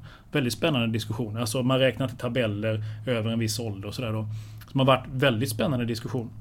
Där man har lutat sig helt och hållet mot vetenskapen. Vad vet vi egentligen? Vad finns det anledning att göra? Det finns en poäng att vi liksom har ett system där vi inte har för stor fokus på poäng och resultat långsiktigt. Att barnen själva räknar mål om man har koll på matchen, det gör de ändå. Så är det ju. Det är inte så att det inte är viktigt hur många mål vi gör. Men just det här fokuset på långsiktigheten, vad ligger vi i tabellen, ska vi toppa? Med det, när vuxna får liksom leka med tabeller och resultat och bli fokuserade på det. Då kommer massa saker och ting som inte är bra på köpet. För då kan man ju säga så att det är ju egentligen vuxna som är problemet, inte barnen. Nej men det är absolut, absolut. Men så har det väl alltid varit. så kommer det alltid vara. Eh, barnen i sig är liksom inte problemen. De har oftast ganska för barnen har, järn, barnen har ju järnkoll hur många mål man har gjort. Ja, ja precis. Alltså, det, det, finns ju, det går ju inte att fuska bort. Nej, nej, absolut. Men där kanske det också är lite så att barnen liksom, de har koll, de vet vem som vinner och förlorar. Så kan man ta det. Och sen så går man därifrån lite grann. Medan för vuxna så blir det viktigare man sätter det i en större kontext, i helhet. Och då kommer andra saker och ting liksom som, som en brev på posten, eller en post på brevet, eller vad kallas det? Brev på... Brev på posten. Brev på posten. eh, då kommer de här sakerna som, ah, hur ligger vi i tabellen? Ska vi satsa? Hur ska man förhålla sig till selektering? Alla de där sakerna som kommer, liksom, börjar ju någonstans i det här fokuset att det blir viktigt poängen vi tar i slutändan. Långsiktigheten med tabeller till exempel. Så det, det är ju inte så att det är på något sätt några märkliga liksom pff, eh, idéer från början. Utan det här är liksom, har ju funnits ett stöd för i forskningen. är det ganska okontroversiellt. En annan intressant reflektion som jag faktiskt gör när du eh, pratar om det här med processen. Mm. Eh, som jag själv har varit involverad i. Det är att när man spelar volleyboll som jag har gjort. Eh, så är det ganska mm, psykiskt pressande att, att ta emot serve, alltså servemottagningen. Bollen måste hamna på ett visst ställe på en ganska stor precision mm. utan att ge mig in i några detaljer. Um, och, och, ju mer du spänner desto mer kommer bollen att inte gå dit du vill. Och ju mer du slappnar av desto mer kan du styra det här. Mm. Och, och um, jag gjorde själv en observation som gjorde att jag tog mig från att vara hyggligt bra till att vara riktigt bra på just det momentet. Um, och det var det att fokusera på hur bollbanan skulle se ut. Mm. Istället för vart bollen skulle gå. Mm. Och då blev det plötsligt att man att, att armar och rör, kroppen rörde sig mer automatiskt än när jag, bara, än när jag var innan så att bollen ska dit. Mm, mm. Har du någon kommentar till sånt? Nej men det, är bara, det låter väl väldigt logiskt så som man försöker jobba. Att, eh, att hitta liksom, hur, hur kan man hitta ett sätt så att den här rörelsen blir automatiserad? Så att den funkar. Och också att förändra kanske fokuset. Det är väl som alla andra idrotter som handlar om, jag menar en serve i volleyboll går ju jämställa, att jämföra till viss del med liksom ett, ett utslagen sving i golf eller vad det handlar om när det är fixerade moment. Hur kan man få till det här på ett sätt och var kan man lägga fokuset så att kroppen liksom hittar den här automatiserade rörelsen som blir korrekt. Så det låter ju ganska, låter ganska, låter ganska logiskt. Du får ställa den frågan till något av mina kollegor som jobbar på fältet. Ja, det ska jag göra. Eh, en annan sak då som man kommer, um, kommer in på. För det jag gjorde i det läget det var ju att alltså, tänka. Mm. Eh, jag inom citationstecken då kan man säga lurade hjärnan att säga att men, eh, tänk på den här bollbanan så kommer den bollbanan att bli Mm. så. Det vill säga att eh, jag kunde sitta och gå och fundera på det där även om jag inte stod på, på plan. Mm. Ehm, hur förhåller det sig till det här med att eh, statementet att man faktiskt inte kan lura hjärnan? Ja, att det går väl tillbaka lite grann till det. en stor idé kring just med hur man jobbar idrottspsykologiskt och mental träning har ju handlat tidigare om att, det är med att man kan, vi kan kontrollera tankar och känslor. De, de påverkar ju beteendet. Det, har, det, det vet man ju. Det finns många, i- många upplevelser och erfarenheter av det då. Och då finns ju en idé om att man kan faktiskt påverka sina tankar som ställer till det för en. Och de, den klassiska idén med mental träning har just varit där lite. Vi har, vi har olika tekniker för att kunna påverka, därför att kunna kontrollera våra tankar. Och det har visat sig att det har varit väldigt mycket svårare än vad man kan tro. Så det man egentligen gör idag då, eh, det är ju att man jobbar utifrån andra principer. Att, att, att kontrollera tankar på det sättet är väldigt svårt. Därför så lär man sig att, han, att, liksom att leva med dem. Nu kommer de här tankarna igen, liksom att du är en värdelös människa, du kommer säkerligen att slå ut bollen eller vad det handlar om. Eh, Okej, det, är inte, det är bara tankar som jag... Det är inte sanningar. På något sätt. Det är ju det här med ACT till exempel som man jobbar ganska mycket acceptance commitment therapy. Att, att se sina tankar för vad de är. Kan jag prestera trots att jag har de här tankarna? Tidigare handlade det mer om att för att kunna prestera bra när du ska serva så måste du vara i ett visst tillstånd. Man pratar till exempel om flow och sådana här saker. Och det handlar då om att se till att du är i det tillståndet. Och man använder vissa tekniker för att komma dit så ofta som möjligt. Då. Men problemet var ju att för det första var inte det där så lätt. Och för det andra så kan du tänka dig själv nu om man, om man, om man har den idén att jag måste vara ett visst tillstånd för att kunna klara det. här. Och så är du inte det tillståndet. Då skapar det ju en väldig stress också. Till skillnad från man lär sig liksom att ja, kan du slå en serve fast det burrar lite i magen och fast, det, fast de här tankarna kommer och sådär. Och träna sig på det. Ja, jag kan prestera fast de här tankarna kommer. Och leva med det. Då är du, står du mycket, mycket, mycket bättre rustad när det väl sker. Du blir liksom inte lika, du blir inte bara en vindflöjel då, liksom att saker och ting händer. Och det blir mer realistiskt. Så det handlar återigen liksom om att försöka kontrollera det man kan kontrollera. Och tankar är, har visat sig är fruktansvärt svåra att kontrollera på, på det beställda sättet via de här teknikerna. Men den här eh, mentala träningen som jag fick eh, lära mig. Ja. Uno... eh, Nej, vet jag. Unestål. Ja. Som ju är liksom den här idrotts, idrottspsykologins eh, fader på något sätt här Precis, i, i Sverige. Ja. Eh, Men han kan ju inte ha fel. Ja, därom tvistade lärde. Nej, man kan säga att fallet med Unestål är ju väldigt komplext. Vi hade ju en stor diskussion med honom i DN Åsikt för de som vill följa det för ett eller två år sedan, jag och Mattias Lundberg. Eh, Jag och han på ena sidan och Lars-Erik Unestål på andra sidan då vi diskuterade, är verkligen mental träning någonting att ha? Eh, Och det där sätter rätt mycket fingret, ett bra exempel på det här med bra och dålig populärpsykologi. Vad som är vad. Eh, Lars-Erik är ju inte här och kunna försvara sig så vi kan inte ha en debatt. Nej, men du kan ha... det. Men, nej. men liksom, vad kan jag säga från mitt perspektiv, han utgår från modern forskning så har mycket av det han säger, hans metoder, klassiska traditionella metoder, inte stöd i forskningen. Framförallt så bygger de inte på en modell, de bygger på en orimlig modell av hur vi funkar. Det handlar ganska mycket om kontroll av tankar och känslor som vi vet idag inte är realistiskt. Så de här gamla idéerna med målbildsträning och det där, ja, Eh, avslappning till exempel. För vissa i vissa situationer kan det säkerligen hjälpa någon. Men det har absolut med största sannolikhet inte de stora effekterna som man utlovar i de här böckerna och föreläsningar och sådär. Det som är svårt med Unestål är ju det här med att han verkligen pratar ju mycket forskning. Han pratar mycket studier och det är väldigt svårt för en person som inte kan forskning och kunna, kunna se igenom det och säga nej men det här finns inget stöd på. Den här studien du pratar om med fantastiska effekter, den är inte publicerad någonstans. Det finns inget spår av den. Det betyder att det är lätt att snacka, men det finns liksom inget bakom. Och det är det som är så himla svårt och det tycker jag vi ser mer och mer av nu i samhällsdebatten, inte bara när det gäller mental träning och Unestål, utan det kommer fler och fler sådana här personer som gärna slänger sig med att det finns forskning och stöd och vetenskap bakom det de säger. Och det krävs ett jäkla jobb för dig som journalist eller för en person att gå igenom och se egentligen, hittar man de här referenserna, hittar man de här källorna, vad är det som, som, som stöder vad egentligen? Det kostar så jättemycket att göra det och det är jättesvårt. Därför blir det i princip omöjligt att se igenom det. En känd mental tränare började ju i damlandslaget i fotboll för ett antal år sedan. Eh, gjorde ett, ett gästspel där, Mia Törnblom. Eh, och vi kan, kan ju inleda med att eh, säga vad du sa i det sammanhanget när, eh, när hon tillträdde. Då, stå, då citerar jag dig från Aftonbladet där du sa det så här. Törnbloms metoder är pseudovetenskapliga. Det är faktiskt bara en snabb tvåfotsdribbling från horoskop, tarotkort och placebospikmattor om man ska hårdra det. Likt dessa produkter säljer hon sitt budskap skickligt. Men innehållet ramlar ihop som ett korthus så fort man skalar av limmet i form av högoktanigt placebo. Det är ju, Har jag sagt det? Detta har, detta har du sagt, eller åtminstone så har eh, Aftonbladet citerat dig eh, på detta. Och det, det, här är ju eh, ord och inga visor. Det här är inte sågning med, med fotknölarna. Det är frågan om det finns något kvar överhuvudtaget. Eh, vad, vad är det du, eh, om man går med till saksak, vad är, vad är det så att säga som, som du angriper i det här sammanhanget?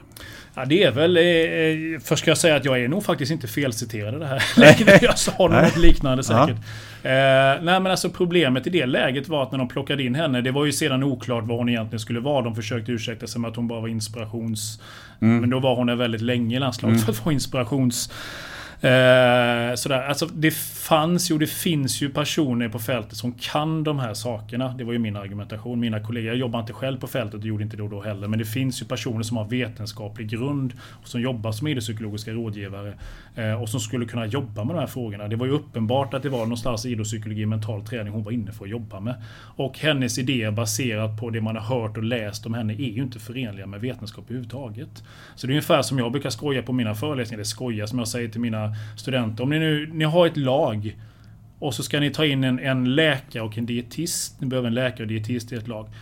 Tar ni in då någon som har själv blivit skadad, som har haft korsbandsproblem massa gånger och har mycket egen erfarenhet av att ha ohälsoproblem. Är det den personen ni ska ha som läkare? Eller dietisten, är det någon som har käkat jäkligt mycket? Som har mycket egen erfarenhet av mat?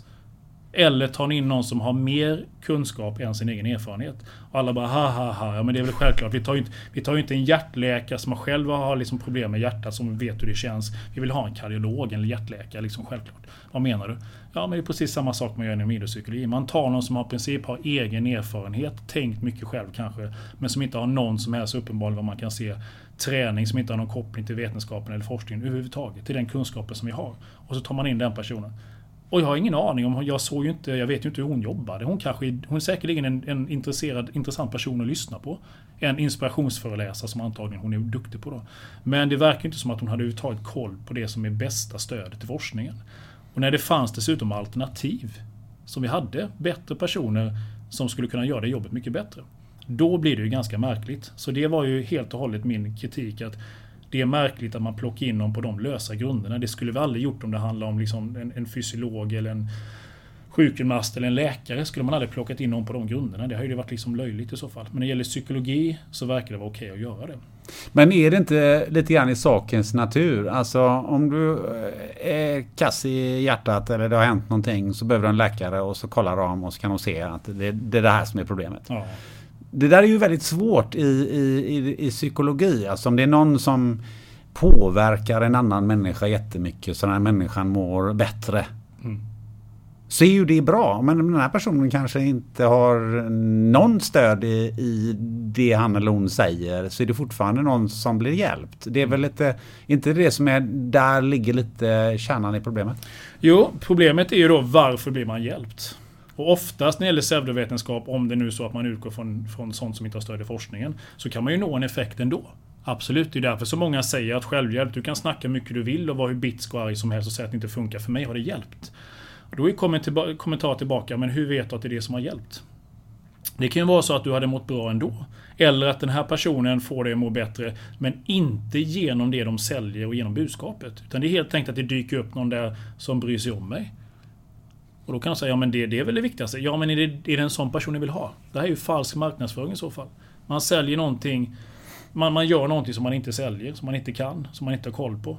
Och då vill, det är ju inte, något, det är inte liksom en bra väg framåt för en hållbar utveckling. Det är det som är problemet. Om du vill ha liksom en hållbarhet i förändringen framåt så är det viktigt att ha bra kartor och kompasser att luta sig mot. Inte minst när det gäller psykologi.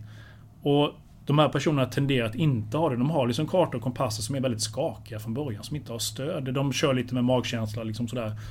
Sannolikheten att det ska bli bra i längden är ju avsevärt mycket mindre än en person som har mer stadiga kompass och karta från början.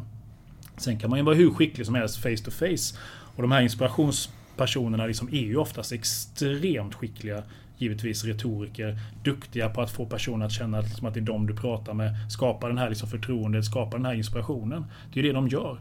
Men då kan man kanske plocka in dem för att göra det och inte det där andra. Och I det här fallet med landslag så har jag en stark känsla av att det inte bara var en engångsföreteelse och inspiration. Utan det var något helt annat man, man plockade dit henne för. Nu eh, så finns det ju då min kollega Rasmus som jobbar i damlandslaget istället. Så jag sover lite bättre på nätterna. Han har lite stabila kartor och kompasser nu. Eh, För att Mia Törnblom, om man tittar så har hon ingen utbildning alls. Inom det här området. Nej, det, det är möjligt. Det, det, vad jag förstår så har hon inte det. Men... eh, Måste, hon representerar väl också, om man tittar dålig populärpsykologi, en ganska liksom långsamt utdöende genre som var mer vanlig för 15-20 år sedan. När man kunde komma och liksom säga jag har en idé om någonting, jag har en modell eller en teori om ett begrepp. Hon pratar om självkänsla. Jag har ingen utbildning alls. Jag kan säga det, jag är stolt över det också, som de oftast var. Eh, och jag säljer det här. De är färre och färre nu för tiden, utan de flesta säger ju att jag har en utbildning, jag har gått NLP, kommunikologi eller något, något, något slags, jag är licensierad, certifierad i någonting. Ni kan lita på mig. För jag står med luta mot den här, den här teorin eller vad det är för någonting nu. Så det är inte så att jag hittar på det här själv. Utan jag har någonting som ni kan lita på. Det är dessutom bara stöd i forskningen. Det blir väldigt mycket vanligare nu än vad det var förr. Så hon representerar ju någonting som, eh, som, liksom är, som vi ser mindre och mindre av. men man har ju också konceptualiserat sånt här. Mm. Och jag tänker på framförallt i, i USA. Alltså vad jag ibland brukar kalla för eh, lite slarvigt coaching på burk. Det finns ju även här i Sverige. Det finns, Ja, ju, ja. finns ju företag som som säger efter ett visst koncept så coachar vi företagsledare Mm. och, och så vidare. Ehm, och, och någon som ju är, är världsmästare på detta i USA det är ju någon som heter Tony Robbins. Oh ja. Eh, och jag har aldrig hört talas om honom tidigare men när jag bara lite research på dig så, så nämnde du hans, hans namn. Och jag tycker att eh, alla lyssnare ska, ska gå in och, och kolla på Tony Robbins på någon TED-talk eller något sånt där. Och, och det jag själv kände när jag lyssnade på honom tänkte jag att det här kan man ju bara inte gilla. Alltså jag fick ju själv en, en personligen en, liksom en, en aversion mot den här personen. Det, det kändes typ, väldigt typiskt amerikanskt. Men eh, hur, eh, hur ser du på det? Hur kan man överhuvudtaget köpa någonting utav en eh, sån man som honom? Ja, för det första som du säger, det finns ju TED-talk eh, som heter Why We Do What We Do. Som är intresserade av att lyssna på honom. Och nu har vi i och för sig målat kanske en negativ bild. Så att lyssnarna kommer inte att ha kanske en neutral bild när de tittar Nej. på honom. Men ser man den så har man nog väldigt svårt att värja sig mot hans idéer. För han är ingen dumbom, men han är väldigt karismatisk. Det finns ju också en dokumentär som heter I'm Not Your Guru. Som är intressant med tanke på att det är ju precis det han vill vara. Han vill vara allas guru. Som handlar om han och hans stora konvent. Och så som du ställer frågan här, hur kommer det sig att man kan köpa det han säger? Då ska man komma ihåg att få, få, få vara plats och få kunna vara på hans konvent, de här jättestora konventen när han snackar och jobbar med workshop i flera dagar. Så kostar det ju inte 250 spänn plus moms. Det kostar väl åtminstone jag tror jag, runt 5000 dollar om jag inte förstår. Gör det saken bättre eller gör det, vill man gärna hellre vara där eller vad menar du? Om du har betalat 5000 dollar att åka dit och lyssna på dem. Vilket är, vad ska vi säga, runt 50 papp idag va? 45 50 000. Typ. Ja. Kommer du då att vara benägen att lyssna på vad han säger när du har gjort den investeringen själv? Nej, men skulle jag någonsin betala 5000 det dollar? kanske du inte hade gjort. Men om, om inte du hade åkt dit i granskande syfte, att du åker dit som journalist på något sätt och du vill liksom verkligen granska det du ställer dig skeptisk till att börja med.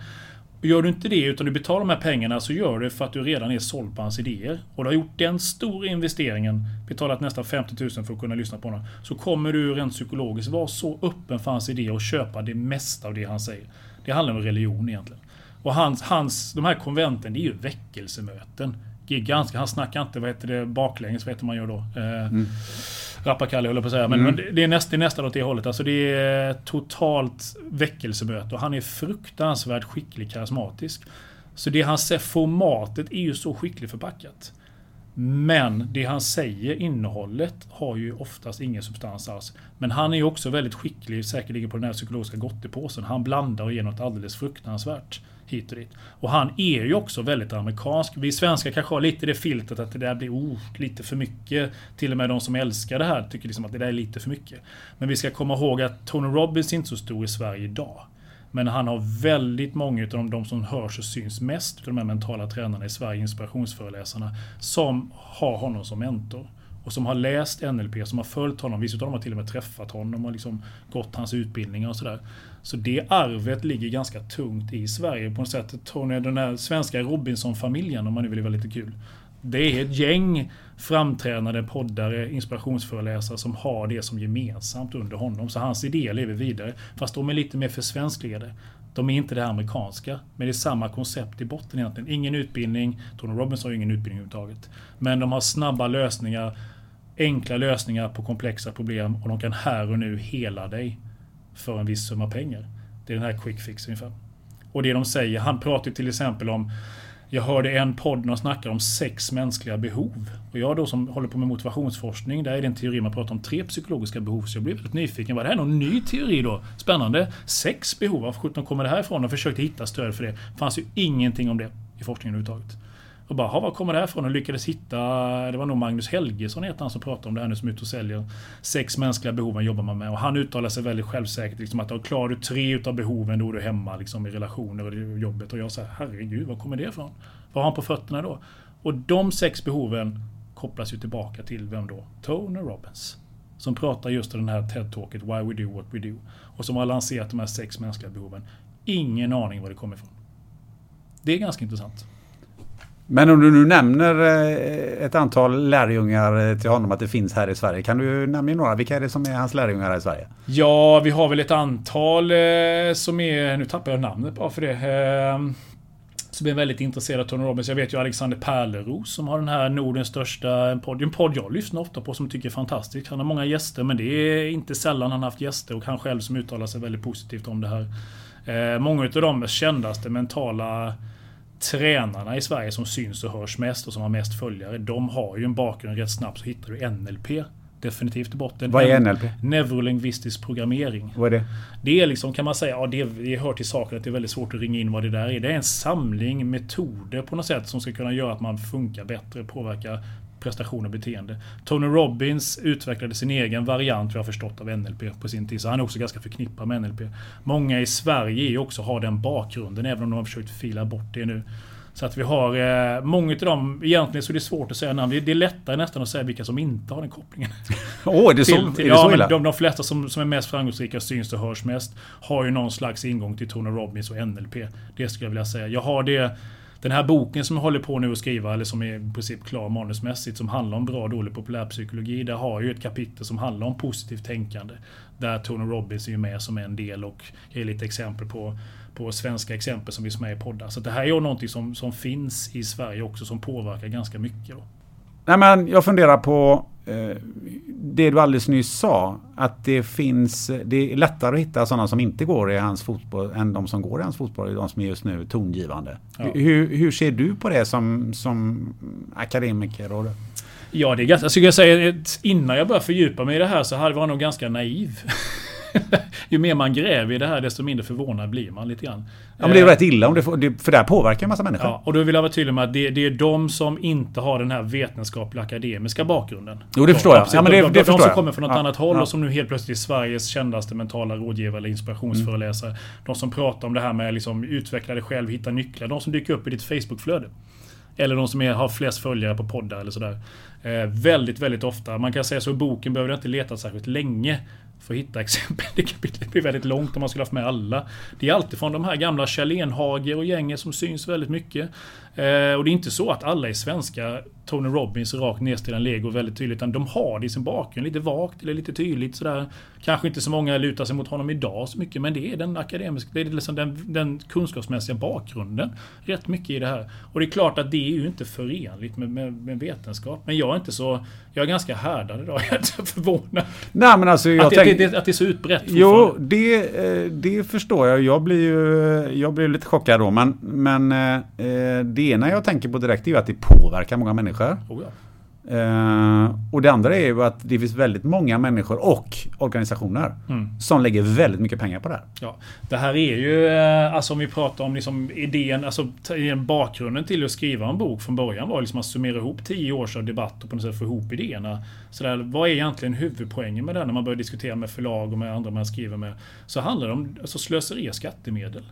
Sen vill jag ju berätta en historia, inte bara varför, alltså inte bara att vad är som är dåligt för det går ganska snabbt. Så att det där är på crap-sidan och det där är lite på bättre sidan. Utan varför går vi på det ändå? Varför är det så jäkla svårt att stå emot det här? Och vad kokar det ner till? Varför är det samhällsrelevant? Eh, jo, för att jag tror att det här är intressant. Det är inte bara liksom min lilla sfär varför jag vill göra upp med det här själv. Och så, utan det är en intressant alltså information att få ut. För att det är samhällsrelevant, för det är slöseri skattemedel. Vi har, de flesta organisationer, en ändlig resurs. Du har inte mycket pengar som helst. De flesta har en väldig ändlig resurs idag, organisationer, kommuner och landsting till exempel. Och då när man lägger pengar på sådana här saker som, som i bästa fall bara är en kul kick-off inspiration. Men det är ju oftast inte det, utan man köper in det för att man ska bli en bättre grupp, man ska rekrytera säkrare.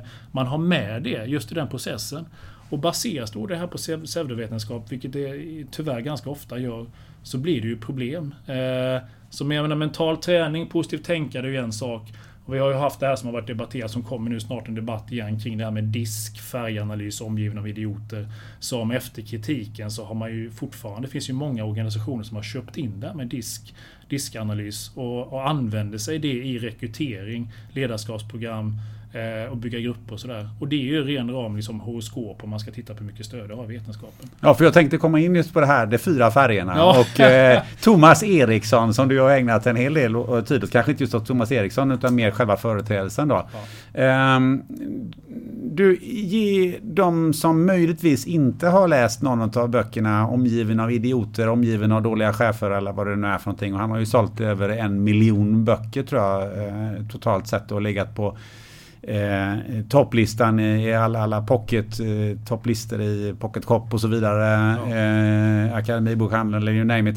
Um, vad, kan du bara ge en här kort eh, så här sammanfattning av vad det är han har hittat på för någonting för den som till äventyrs inte har har läst det och eh, sen ska vi komma in också på varför det då är, är, är hundgodis. Ja, men vad man kan säga att det baseras i omgiven av, av idiotböckerna då baseras ju den här diskmodellen som det kallas, eller DISA på svenska, som är, som är liksom en, hela idén, ett, ett, ett system för att kunna dela in personer i olika typer.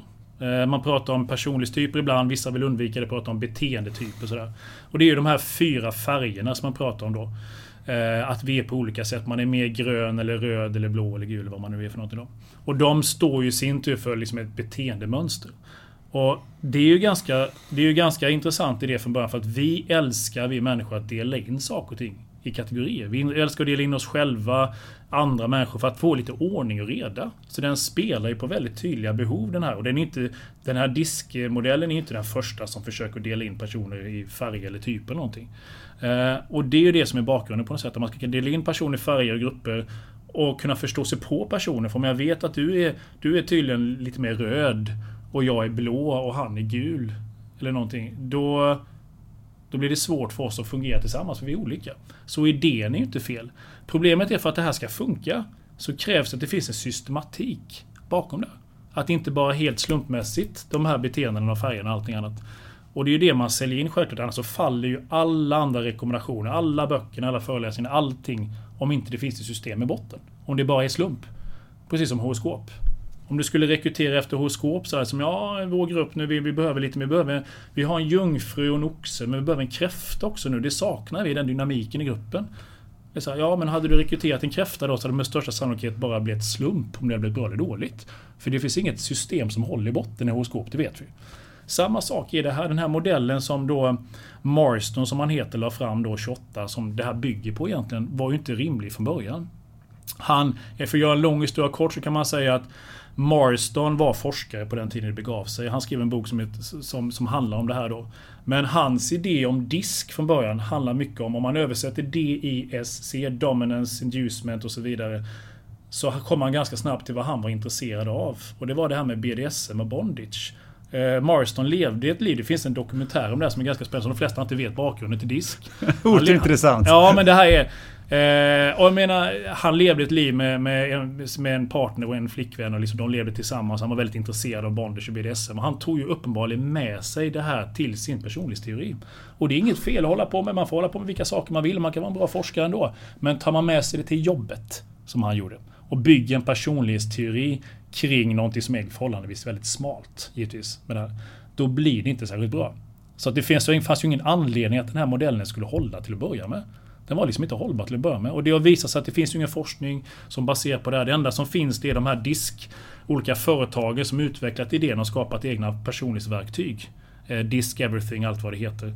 De har utvecklat sina egna modeller och gjort egna rapporter och finns ju på deras hemsidor där man säger att det här har stöd, vi har gjort vår egen forskning. Problemet är att den är inte granskad av oberoende källor. Där har du stort problem. Det finns inte ett spår av forskning i det här. Och Problemet är det att om man nu vill sälja en produkt och du ska utvärdera den själv så kan du komma fram till vad du kommer att hitta dem. Antagligen att den håller och är bra. Det ligger liksom lite i sakens natur. Du kan inte förhålla dig, du kan inte skydda dig mot dina egna tankefällor. Du kommer att använda confirmation bias, bekräftelse bias. Det du vill hitta stöd för kommer du att leta efter och hitta att det här testet funkar. Så det betyder i princip ingenting, rapporterna på hemsidan, om det inte är granskat rent av oberoende källor. Och det är ju inte de här då. Så där hamnar man i problemet. Och där är också problemet med disk. Det baseras på en helt orimlig modell av Morrison från början. Eh, det finns ingen forskning, modern forskning på det överhuvudtaget. Så vi vet ingenting om det. I bästa fall, om jag är på gott humör nu, så kan vi säga att vi vet absolut ingenting om det här. Och då ska du heller inte, heller inte uttala om att det funkar. Tre, de egna rapporterna som man pratar om håller inte måttet. När man väl har granskat dem utifrån, när forskare tittar på det, så, så ramlar det ihop fortare än kvickt. Det finns en, en kille i Belgien som heter Patrick Vermeeren som har skrivit en bok som kom ut i höstas som heter något Eh, HR eh, Skeptic Dictionary, tror jag, som heter HR-personer. Vad man nu ska passa sig för, vad man ska köpa in. Och där, där har han ett kapitel som handlar just om disk. Då han har haft ett gäng runt omkring sig, psykologer och statistiker som har tittat på de här rapporterna och han sågar ju dem längs med fotknölarna. Det här håller liksom inte. Om man ska granska det vetenskapligt, om vi ska föra in det på den planhalvan och titta på det här rent vetenskapligt, då håller inte det här överhuvudtaget. Så det här är, och det här lägger man hur mycket pengar på som helst. Och vi älskar det. Människor älskar det. Det är så enkelt. Alltså jag förstår mig inte på den idioten på jobbet och han och den och det är svårt att bygga en grupp och rekrytera rätt människor. Här kommer någon som skriver en kul bok som har en enkel lösning. Fyra typer av människor, fyra färger. Piece of cake, enkelt, snabb igenkänning i det här. Och igenkänningen bottnar i något som kallas för Forer-effekten. Eller Barnum-effekten. Jag hann inte ens komma till det den föreläsningen du såg när jag skulle prata om. Efter det som är problemet. Eh, som egentligen handlar om, för att göra en väldigt lång historia väldigt, väldigt kort, så fanns det, fanns det en forskare som heter Fore som gjorde det här tror jag slutet på 40-talet. Han lät sina studenter fylla i ett personlighetstest. Han eh, tog in testet och baserat på testet, personlighetstestet, så gav han dem en beskrivning av dem själva. Baserat på testet. Och så frågade han dem hur, hur väl tycker ni det här stämmer? Skala 0 till 5 eller 1 till 5 tror jag det var. Och de, de hade nog genomsnitt 4,3 studenterna bara, det här stämmer jätteväl in på mig. Det här personlighetstestet fångar mig jätteväl. Det fanns bara två problem i den lilla storyn. Det första var att de här påståendena var inte baserade på testet, det var baserat på en astrologibok. Som få hade satt ihop. Läshoroskop typ. Det andra catchen var ju att alla fick samma lista. Mm. Du kan tänka ungefär som att alla får samma, fast man har olika stjärnbilder får man samma lista. Det borde inte kunna vara så då givetvis. Och alla tyckte det här stämde. Det här är den här får-effekten, Barnum-effekten som det också kallas. Att vi har en tendens att känna, att känna igen oss i väldigt vaga påståenden. Är inte du det här Gunnar? Ett sånt här påstående.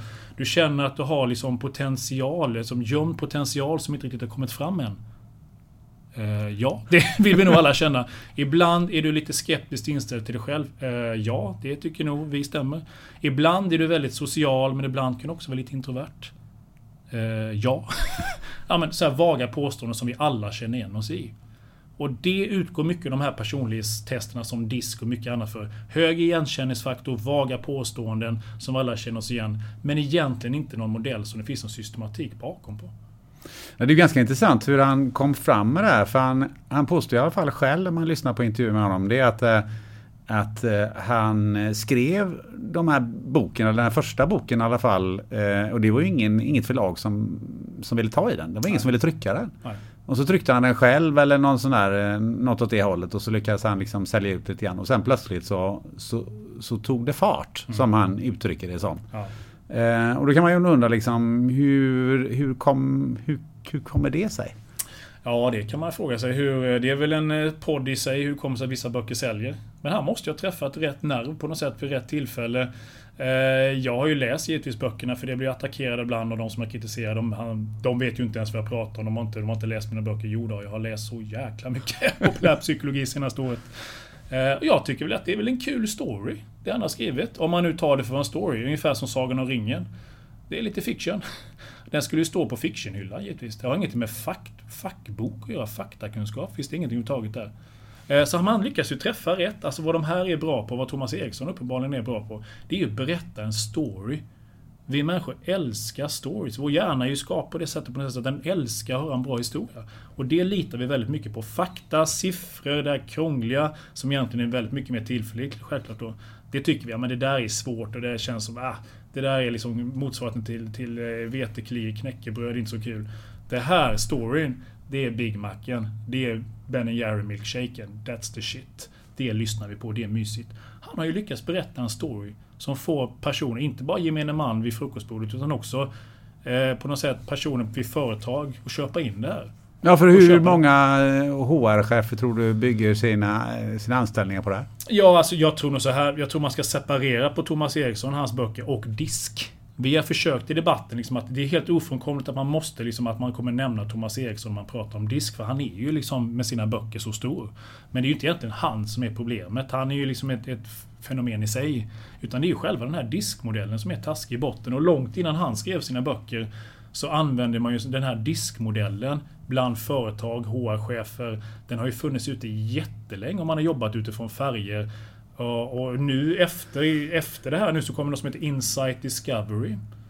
Där man också jobbar med färger. Annika Malmberg tror jag också är en person i Sverige som reser runt mycket och pratar om de här färgerna. Eh, och vad snackar man om där då? Ja, fyra färger. Solgul tror jag det är. en. Eldrött istället. Någon som ser en viss skillnad. Det är klart att det är ungefär samma som disk. Ja, men alltså, jag har lyssnat till henne. Har du hört det? och jag bara, jag bara säger så här, hon säger exakt samma sak det som står i de här böckerna. Ja, ja, nej, men det är, det, är, det, är en, det är en lite kvinnlig motsvarighet till Thomas Eriksson. Men hon, om man tittar på eh, hemsidan så säger de att det här är absolut inte risk. Nej, det är klart, det är klart att de säger det. För det har, blivit, vi har liksom blivit besmittat nu av kritik. Jag hörde också en, en, en kompis med mig som sa liksom det att det här måste du lyssna på den här. Hon är med på Framgångspodden.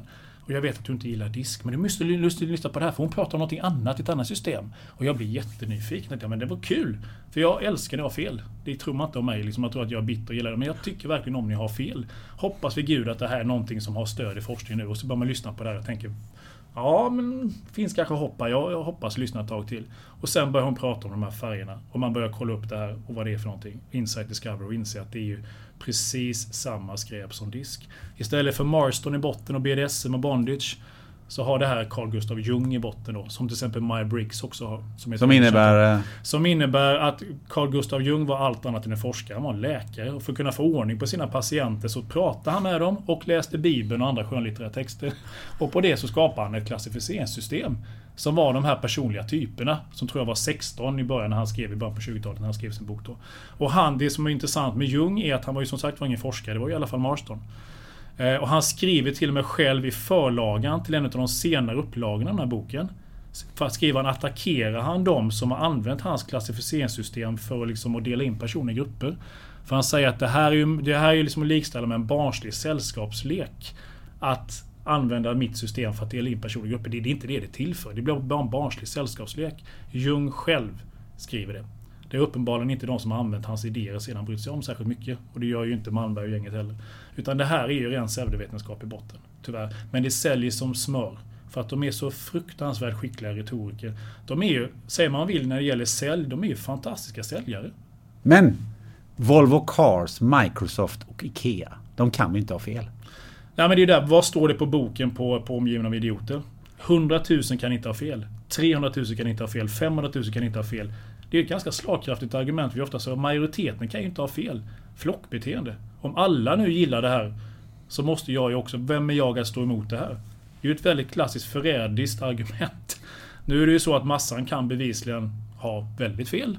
För det första. Och för det andra så är jag inte så säker på att alla de här x antal hundratusen som läste hans böcker håller med honom. Det hör ju till saken också. Det var ju säkerligen en hel del som ställde sig ganska så här. Det som ändå är talande att det här liksom engagerar människor är att det här filterreportaget som kom som heter Omgiven av idioti. Där Madeleine Polnov då granskade Thomas Eriksson Omgiven av idioterböckerna där. När det kom, tror jag var förra året, var det väl 2018 tror jag. Ja. Så vi har förstått att det var i alla fall, om det inte är det fortfarande, det mest lästa, den mest lästa artikeln i Filters historia. Och då har de ändå haft ubåtar och Palmemördare och både det ena och det andra. Väldigt, väldigt spännande. Men det här var ju något uppenbarligen som, som berörde väldigt många. Så det är ju något som väldigt många har exponerats för. Säkerligen en hel del tycker det är fantastiskt och blir väldigt, liksom, kan man säga, stötta av den här kritiken. Och vidhålla att det funkar fortfarande. En hel del kände, okej, okay, det var det jag ändå anade hela vägen. Det här kändes inte korrekt. Och en hel del har varit skeptiska hela vägen.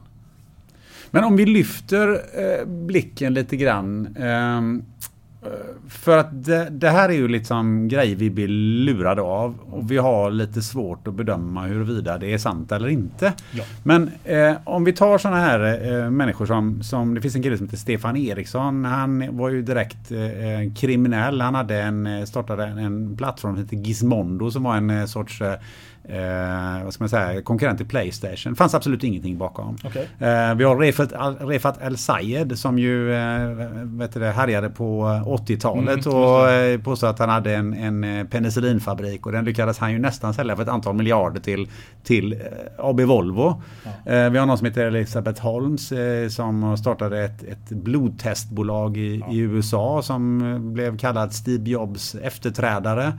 Och så har vi då sådana som då, Thomas Eriksson och andra som också tjänar gigantiska pengar eh, och Tony Robbins och så vidare. Men eh, vad jag vill komma till är liksom så här, vi människor Gillar vi lite grann att bli lurade? Jag tror inte vi gillar att bli lurade. Alltså det där är en intressant ingång också. Har de lurat oss? Jag såg då den här dokumentären på HBO The Inventor om Elizabeth Holmes. Det här med blod. Den mm. här, den här vet du, Eh, Eh, bandaget, eller vad heter det? Mm, eh, plåstret som skulle kunna mäta blod och allting där. Och en fråga jag funderade på längs med resan. Var någonstans visste hon själv att det här var fejk? Visste hon det från början? Jag tror inte det. Jag misstänker att hon trodde på idén så mycket från början. Men någonstans längs med resan så måste hon insett att det här är ett luftslott som inte håller. Alla de du, du, du beskrev här nu. Eh, var, vet de själva att de luras? Är de Snake Oil Salesmen som förr i tiden i USA reste runt på häst och vagn och sålde de här mirakellösningarna. Som förmodligen visste att det här är ju inte, det här tror inte jag på heller. Eller på något sätt köper de det här själva. Det är ju det som är den intressanta frågan. Lurar de oss medvetet? Eller helt enkelt är de också lurade själva? Jag tror när man ska titta på psykologi och det som, vi skriver, det som jag skriver mycket om i boken är att mekanismerna bakom det handlar rätt mycket mer om att de själva inte har koll. Man saknar kunskap eller kompetens själva. Man kommer liksom utan egentligen någon kunskap på ett område. Man kastas in och man tror man vet mycket mer än man vet. Det är ju det här begreppet, eller den här effekten som heter Dunning-Kruger-effekten som man pratar ganska mycket om ibland. Som har att göra med att man man saknar kunskap eller kompetens inom ett område och tack vare att man saknar kompetens och, och eh, kunskap så vet man inte heller om det som man inte har. Man saknar en självinsikt. Man, är liksom, man kan säga det, det är inkompetensens dubbla förbannelse. Dels är du sämre på någonting eller dålig på någonting. Och dels vet du inte om att du är dålig. Och därför så har du också väldigt svårt att ta till dig kritik. För att du vet ju inte det du saknar.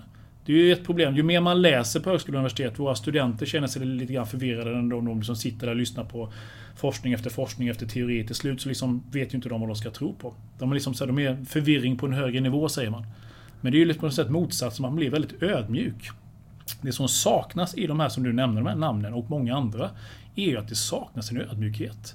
Man är dödssäker på saker och ting. Det här kommer att funka, det här kommer att sälja, man har lärt sig det. Det finns inga tveksamheter i det här överhuvudtaget. Och är det tveksamheter så är det väldigt, väldigt försiktigt i det finstilta. Man är så säker på sig själv att det här ska funka. Just för att man förmodligen har en väldigt grund kunskap eller kompetens inom det här området. Elizabeth Holmes uppenbarligen hade inte så bra koll på själva det som produkten skulle handla om. Det framkommer ju i den här dokumentären när han pratar om de som var forskningsassistent och jobbar i labbet att hon hade ju verkligen inte koll på det här. Och kunde inte se på det här nyktert. Thomas Eriksson, jag har ingen aning vad han har, jag tror inte han har någon utbildning, men han har uppenbarligen ingen koll på psykologisk forskning överhuvudtaget. Och då är det väldigt svårt för han också att kunna se nyktert på sin egen produkt. Samma sak med Annika Malmberg, de här, de verkar inte ha någon kompetens överhuvudtaget när det gäller just psykologisk forskning.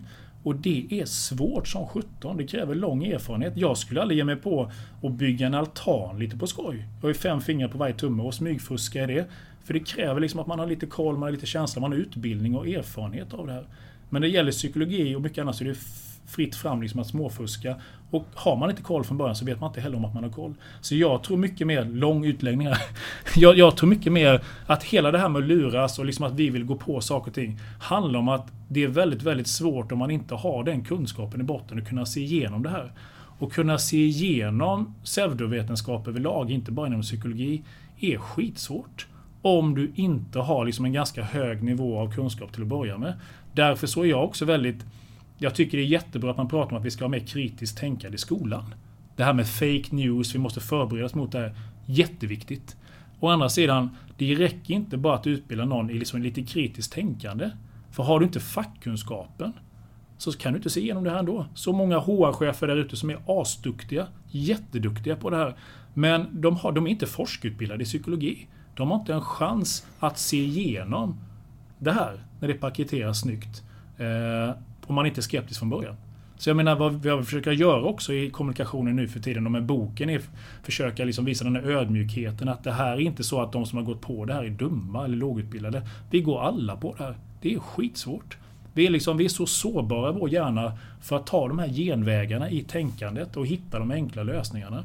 Och de här olika metoderna och personerna trycker, jag tror inte de vet om det själva, men de trycker så skickligt, inklusive Tony Robbins och alla de här, på alla de här liksom behoven som vi har psykologiskt. Så vi är liksom manipulerade på det sättet. Det är så jäkla svårt att se igenom. Och jag är inte så säker på att alla utav dem vet om det själva. Att, de, att det de säljer inte är bra. De har väl hört kritiken. För de tänker väl att det är bara en och annan liksom så här avundsjuk akademiker som inte får sålt böcker. Så jag tror det här är mycket mer. Det hade varit mycket enklare om alla de här är, är om du vill säga att Refat Side själv visste att han ljög. Det får vi väl anta att han gjorde det någonstans. Att han tillhör den kategorin. Det hade varit mycket enklare om alla de här personerna som säljer dålig populärpsykologi hade liksom varit rena lögner och vill bara lura oss. Det är mycket enklare svart och vit story. Jag tror inte det är så enkelt. Jag tror det är mycket, mycket mer komplext. Det finns en gråskala där att de inte själva har koll och därför är det väldigt mycket svårare att se igenom. Är det lite så då också kan man säga att eh, de sätter igång en snöboll för de är väldigt duktiga på att övertyga andra då för eftersom de inte ser några brister överhuvudtaget. Och alla de här som, som vi har nämnt, någonstans så pratar man ju pengar i slutändan. Mm. Eh, och de har ju fått eh, pengar för, för sina idéer. Och så finns det tillräckligt stora investerare som lägger in pengar. Och då, då är det väl där igen att, att 300 000 människor kan inte ha fel. Eller den här personen kan inte ha fel för han har ju några miljarder. Och han, han har ju investerat rätt. Och så skapar man den här.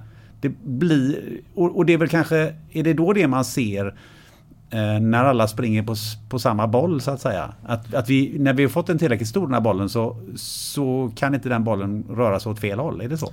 Jag tror det är lite grann flockbeteende. När man väl hoppar på någonting så liksom får det rullning och då behöver du inte ha så värst mycket Du behöver inte ha så värst mycket liksom referenser på det du gör. Det finns, det finns någon sån här eh, Filter hade också en granskning av en eh, kille, jag tror inte Manuel Knight, tror han hette, som hade också fejkat och ljugit sig igenom och blivit sommarpratare och hela faderullan. visade sig att han hade ju inte alls, han var inte den personen han, han sa att han var. Han hade ju bara liksom, han hade bara liksom fejkat sig igenom det här då. Och då pratar man om i sammanhanget där något som heter, jag tror det är kasern, kaserngårdseffekten, något liknande sådär. Som handlar om ungefär som på militäranläggningar, att det är jäkligt svårt att ta sig in. Men har du väl kommit igenom gaten så kan du röra dig fritt. Det är ingen som kollar ditt lägg eller någonting på kaserngården när du väl kommit in. För alla antar att har du väl klarat den kollen där ute så är du home free sen. Då litar vi på det. Det pratar man mycket om honom, att han hade ju överlevt en gallring tidigt och kommit in. Och sen var det ingen av de som anställde honom som talare som egentligen kollade upp honom förrän Filter gjorde det. Samma sak tror jag det är här, att liksom har man väl haft X antal kunder och du sålt till så många hundratusen personer så är du inne på kaserngården redan. Du har redan föreläst för polisen, du har sommarpratat, du har liksom varit i Lunds universitet och pratat helt oklart sammanhang. Som Thomas Eriksson eller vad han hade gjort. Eh, varför ska vi inte tro på honom? Det är ju ingen annan som har sagt någonting innan. Det är ju bara att köra, det här måste ju vara bra. Och vi är liksom också, vi är det rent tankemässigt, vi är ganska vi har svårt att tänka de här kritiska stegen. Vi är ganska i grunden lata tänka. Vi vill gärna ta genvägar, alla utav oss. Och det ska mycket till för att man ska se att vänta nu, den här kejsaren är ju helt naken totalt naken men alla verkar bete sig runt omkring honom eller henne som, som att de verkligen inte är nakna. Ungefär som historien med, med nakna kejsaren. Du nämnde lite eh, om eh, Du nämnde ordet religion. Mm. När jag tror det var i samband med Tony Robbins här. Yes. Um, och det leder mig lite grann till det här att, att um, vi har ju ett behov av att hitta ganska enkla förklaringar ja. på ganska komplexa saker. Ja. Alltså vi har ett, om inte annat så kan man säga att vi, vi vill gärna ha en förklaring på livets mening. Ja. Eh, varför händer en viss sak just i mitt liv? Mm. Eh, förr var det varför slår Oskar ner? Mm. Eller något annat sånt. Eh, Och om man spetsar till lite grann ska jag ställa frågan, vad är det för skillnad mellan religion och den här poppsykologin eller vad vi nu har gått igenom? Hur ser du på det? Jag tror det finns mycket liknelser. I boken så höll jag på att säga, slösade jag bort en hel månad för jag snöade in på scientologi. på tal om religion. Ja. Scientologi som, som började liksom som, eh, som poppsykologi egentligen. Eh, från början men eh, de fick ju liksom inte, de fick inte hugg i vetenskapen på den tiden. Där det här håller ju inte de här idéerna som scientologin eh, ligger bakom. Eh, så istället så bara, nej men vad gör vi då när vi inte får stöd i forskningen? Och, nej, då gör vi det till en religion. Så kan vi tjäna pengar på det också. Så när det gäller scientologin, som är ju liksom verkligen det här överglappet mellan poppsykologi och religion. Att idag ses det som en religion fast egentligen är ju självhjälp. Hela det, hela det systemet är helt bisarrt. Och nu är det också en hel del som hoppat av högt upp och vi har fått höra storyn från insidan. Där har du jättemånga paralleller. Så jag skrev liksom ett antal sidor kring scientologi och poppsykologi. Som blir jättespännande. Det kommer nog inte komma med i boken för det är för yvigt och det är för långt bort på något sätt. Så mm. Men just religion, alltså det handlar om samma sak. Hur kommer det sig att smarta människor, som i det här fallet med scientologin, eh, fastnar för något som många runt omkring kan säga det här är ju rena dumheter. För att man trycker så, det handlar inte om liksom Gud eller religion. I det här fallet är det ju en högst mänsklig gud med scientologin. Eh, med Hubbard som är liksom på något sätt en slags mänsklig Jesus som, som inte hade så verkligen koll från början. Då. Eh, för att du trycker på de här knapparna, vad vi behöver, vi behöver ett sammanhang. Vi behöver mänsklig bekräftelse. Du får allt så skickligt här i. Du träffar människor som bekräftar dig, som på något sätt ger dig en plats i ett sammanhang, som trycker på de här känslorna. Du känner dig kompetent. Du liksom på något sätt får en samhörighet. Eh, du får en förklaring till saker och ting. Livet är komplext. Här har du, liksom, som du själv sa, en, ett erbjudande av en, en förklaring till saker och ting. Det är inte bara kaos. Det finns en väg framåt. Eh, det finns en väg bakåt. Vi kan, du får en förståelse för saker och ting. Du får kontroll, förutsägbarhet. Det är jätte, jätteviktigt. Och det trycker de på stenhårt här och är väldigt skickliga på det också. Och sen kommer de här sociala dimensionerna in då. När man väl fastnar, väl blir en del av, av det här så är det väldigt svårt av olika anledningar att bryta sig loss. Det finns ett begrepp som heter cost sunk fallacy. Eller sunk cost fallacy. Som handlar om att när man väl investerat pengar eller identitet eller någonting i ett projekt efter en viss tid så är det väldigt svårt att kapa det och simma upp till ytan. Istället så vill man liksom simma efter sin guldpåse. Den sjunkna skatten vill man hellre simma efter istället för att inse att man borde simma upp till ytan och klara sig då. Eh, när man väl investerat väldigt mycket. Jag har ju väldigt svårt att tänka mig att Thomas Eriksson nu kommer backa efter kritiken och skriva en ny bok där han liksom avgör avbön från disk. Det vore ju högst märkligt, det kan han ju inte göra. När man investerar så mycket i en idé redan. Tony Robbins kommer ju aldrig liksom göra avbön för sina idéer heller. För att du har redan investerat för mycket. Samma sak om du redan har investerat 10-15 år i scientologin. Med allt vad det innebär, identitet och allting. Det krävs väldigt mycket för att kapa det bandet, simma upp till ytan och kunna liksom släppa det. Det är väldigt, väldigt svårt. Så de har ju greppet om det från början. Väldigt skicklig ingång. Väldigt skickliga mekanismer för att behålla en person. Om man spetsar till lite grann då så kan man ju gå ett antal tusen år tillbaka när vissa religioner uppstod. Mm. Eh, och i början var de ju ganska få. Mm. Till slut uppnådde man en sorts kritisk massa. Det vill säga att man pratar miljoner och åter miljoner människor. Ja. Ehm, och så har man kommit dit, dit vi är idag. Kan man, kan man se en parallell på det sättet? För att det, de personerna som, som, som så att säga, upphovsmän i det här fallet oftast eh, hade ju säkert inte heller några onda avsikter eller eh, någonting om att nu ska, vi, nu ska vi lura massorna här eller någonting sånt där. Men man lyckades ju på något, något karismatiskt sätt skapa en, en rörelse. Kan man, kan man säga på det sättet? Jo men det är många menar väl det. Framförallt i, till exempel i Sverige som är så... Som där religionen har en ganska eh, perifer betydelse för många människor. Där liksom på något sätt new age och, och liksom poppsykologi till viss del har blivit den nya religionen. Uh, det här med de idéerna. Det kom något som heter The Secret, kom något för några år sedan, en bok som skrevs där man, det, det, alltså det handlar just om det här med att man kan liksom attrahera positiva saker med positiva tankar. De här, liksom, de här new age pseudovetenskapliga idéerna. Som var lite grann som den nya religionen. Fast det handlar inte om någon gud utan det är du som är gud på något sätt. Så att pseudovetenskap, absolut, och poppsykologi är ju en typ av religion. Och jag menar, det handlar om att komma upp till en viss kritisk massa för att få följare. Det är ju en social sociala effekter som ligger bakom det här. Liksom att man hittar ett community, man hittar ett sätt att förhålla sig till andra människor. Så att religion, tror jag också ska man komma ihåg. Jag har själv varit en ateist ganska länge nu, en ganska uttalad ateist. Och liksom, ja, eh, och gått från att, kanske när man var lite yngre, när man var i slutet på tonåren, en ganska liksom, aggressiv artist och försökte övertyga andra övertala andra att det där är bara dumhet, hur kan du tro på det? Till att idag ha lite mer avslappnad och försöka ha lite mer ödmjukhet i det där. Att att är människor religiösa så kan jag liksom vara lite, jag kan vara faktiskt eh, avundsjuk på det. Jag hoppas jag själv blir religiös om 20 Varför då? Nej men det verkar vara skönt. Leva i den här världen och få det här liksom på något sätt, den, de tryggheten och känslan liksom av att det finns någon som vakar över en. Och att, att få de här sakerna verkar vara väldigt skönt och det ger ju en trygghet till många människor. Religion skapar ju ofantligt mycket problem, det kan vi ju vara överens om och det vet ju alla. På, på, liksom på något sätt större nivå. Då. Men för enskilda individer, om man kan hitta religionen i någonting som gör att det funkar och som inte skadar andra, så ger det ju trygghet. Och inom psykologin, så det, religionspsykologi är ju ett spännande fält, det är ju inte mitt område då. Men vad jag har förstått så finns det en hel del som säger personer som är religiösa, religiositet hänger ihop med positiva saker som att man mår bättre, känner sig lugnare och sådär. Och det tror 17 det. Med tanke på att man får den här snuttefilten och det här lugnet och ett sammanhang och en mening med saker och ting. Och det är väl det vi alla på något sätt söker, och hittar en, en mening i det vi sysslar med. Och där verkligen ger ju religionen än den meningen. Så att jag har skojat med min sambo Susie och sagt det liksom att om jag inte är, om inte jag är religiös när jag är 65 så får du se till att jag blir det. Jag kanske, jag kanske inte är lite för tidigt. När jag är 75 vill jag bli religiös. Du, vi ska börja avrunda det här men jag tänkte ska skjuta in en, en, en annan brandfackla här. Eh, genom att säga så här att eh, är det inte lite så här också att eh, ni inom den akademiska världen mm. Ni har skapat lite av de här människorna och de här teorierna och de här grejerna som de här färgteorierna och så vidare. Därför att det är för komplext det som ni håller på med. Och så har ni väldigt svårt att förklara det här för, för människor. Du har själv varit inne på det här, man orkar inte lyssna på siffror och allt det här. Och vem, vem orkar lyssna på någon, någon som inte kan förklara saker och ting? Det är väldigt träigt och ska lyssna i tre timmar på någon professor som förklarar någonting som är väldigt invecklat. Då är det väldigt mycket lättare att, att, att lyssna på Thomas Eriksson. Och så säger han, men det, det, är bara fyra färger och så kan du kategorisera människor och så är det bara ut och kör. Absolut. Um, vilket, um, vilket ansvar har ni? För här finns det ju ett glapp som de utnyttjar. Mm. Oh ja. Alltså jag... Eh, jag, jag ska inte säga att jag är den första som skulle erkänna det. Men, men det skulle vara lätt för mig att sitta och försvara akademin. Men jag tänker inte göra det. Utan jag, jag har sagt det tidigare, jag håller med om det, att vi är dåliga på det.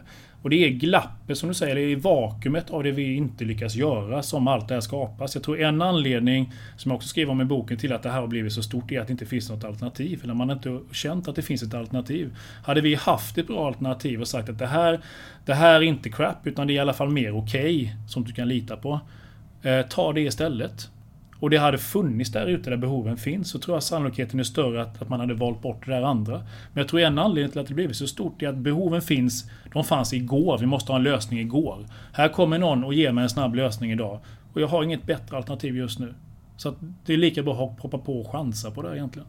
Så vi är för dåliga på att nå ut. Vi är för dåliga på att förenkla det vi gör. För att kunna göra det tillgängligt måste vi förenkla det vi gör. För det är komp för komplex story att berätta oftast. Det var det, tror jag, till exempel som Hans Rosling var så jäkla bra på.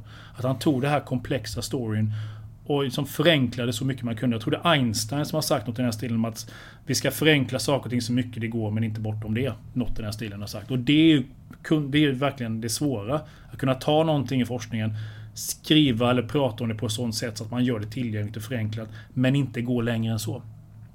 Och där, där är det förrädiskt enkelt att gå för långt. Vi är för dåliga på att förenkla så att folk förstår. Men om man väl har kommit så långt så är risken att man går ännu längre och tar de här genvägarna som inte blir bra. Och jag har ju inom mitt område fysisk aktivitet så, så ibland så många studenter pratar med mig i och med att jag forskar på fysisk aktivitet och kognition så pratar man med Anders Hansen.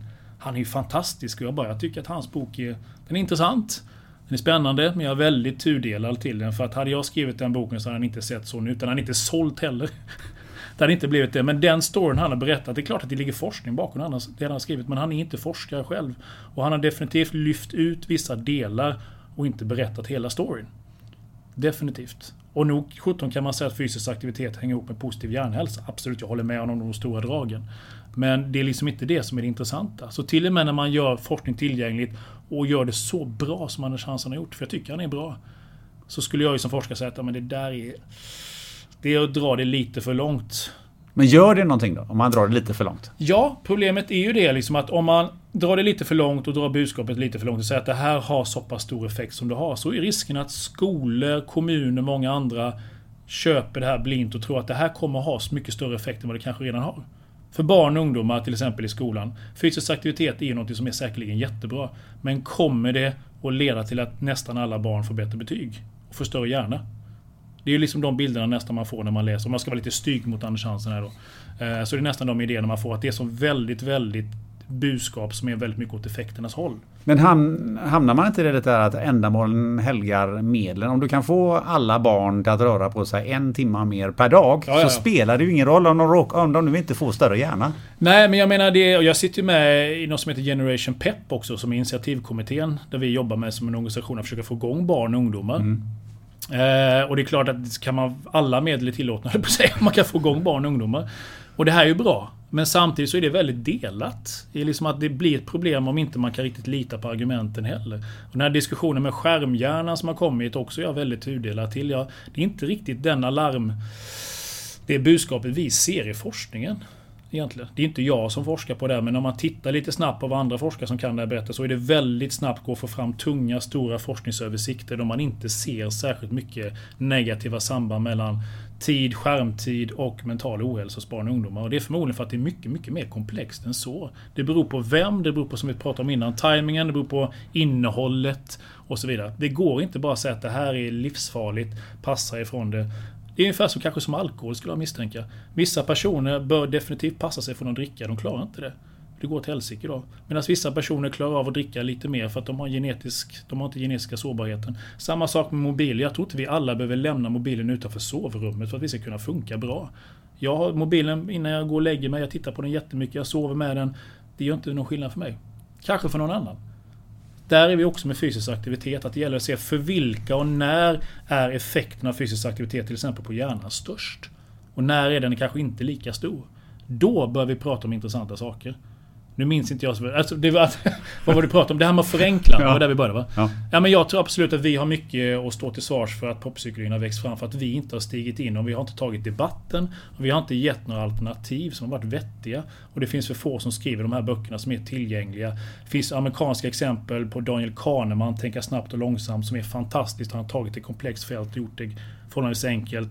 Sapolsky som har skrivit om stress. Varför zebror inte får magsår. Det är dagens lästips om man är intresserad av stress. Vad sa du? Ta det en gång till. Varför zebror inte får magsår. Det låter Sapolsky, intressant. fantastisk stressforskare. Man har lyckats ta det här komplexa fältet och göra det tillgängligt. Berätta en schysst story som är spännande. Men inte göra våld på kan man säga, vetenskapen och kunskapen bakom.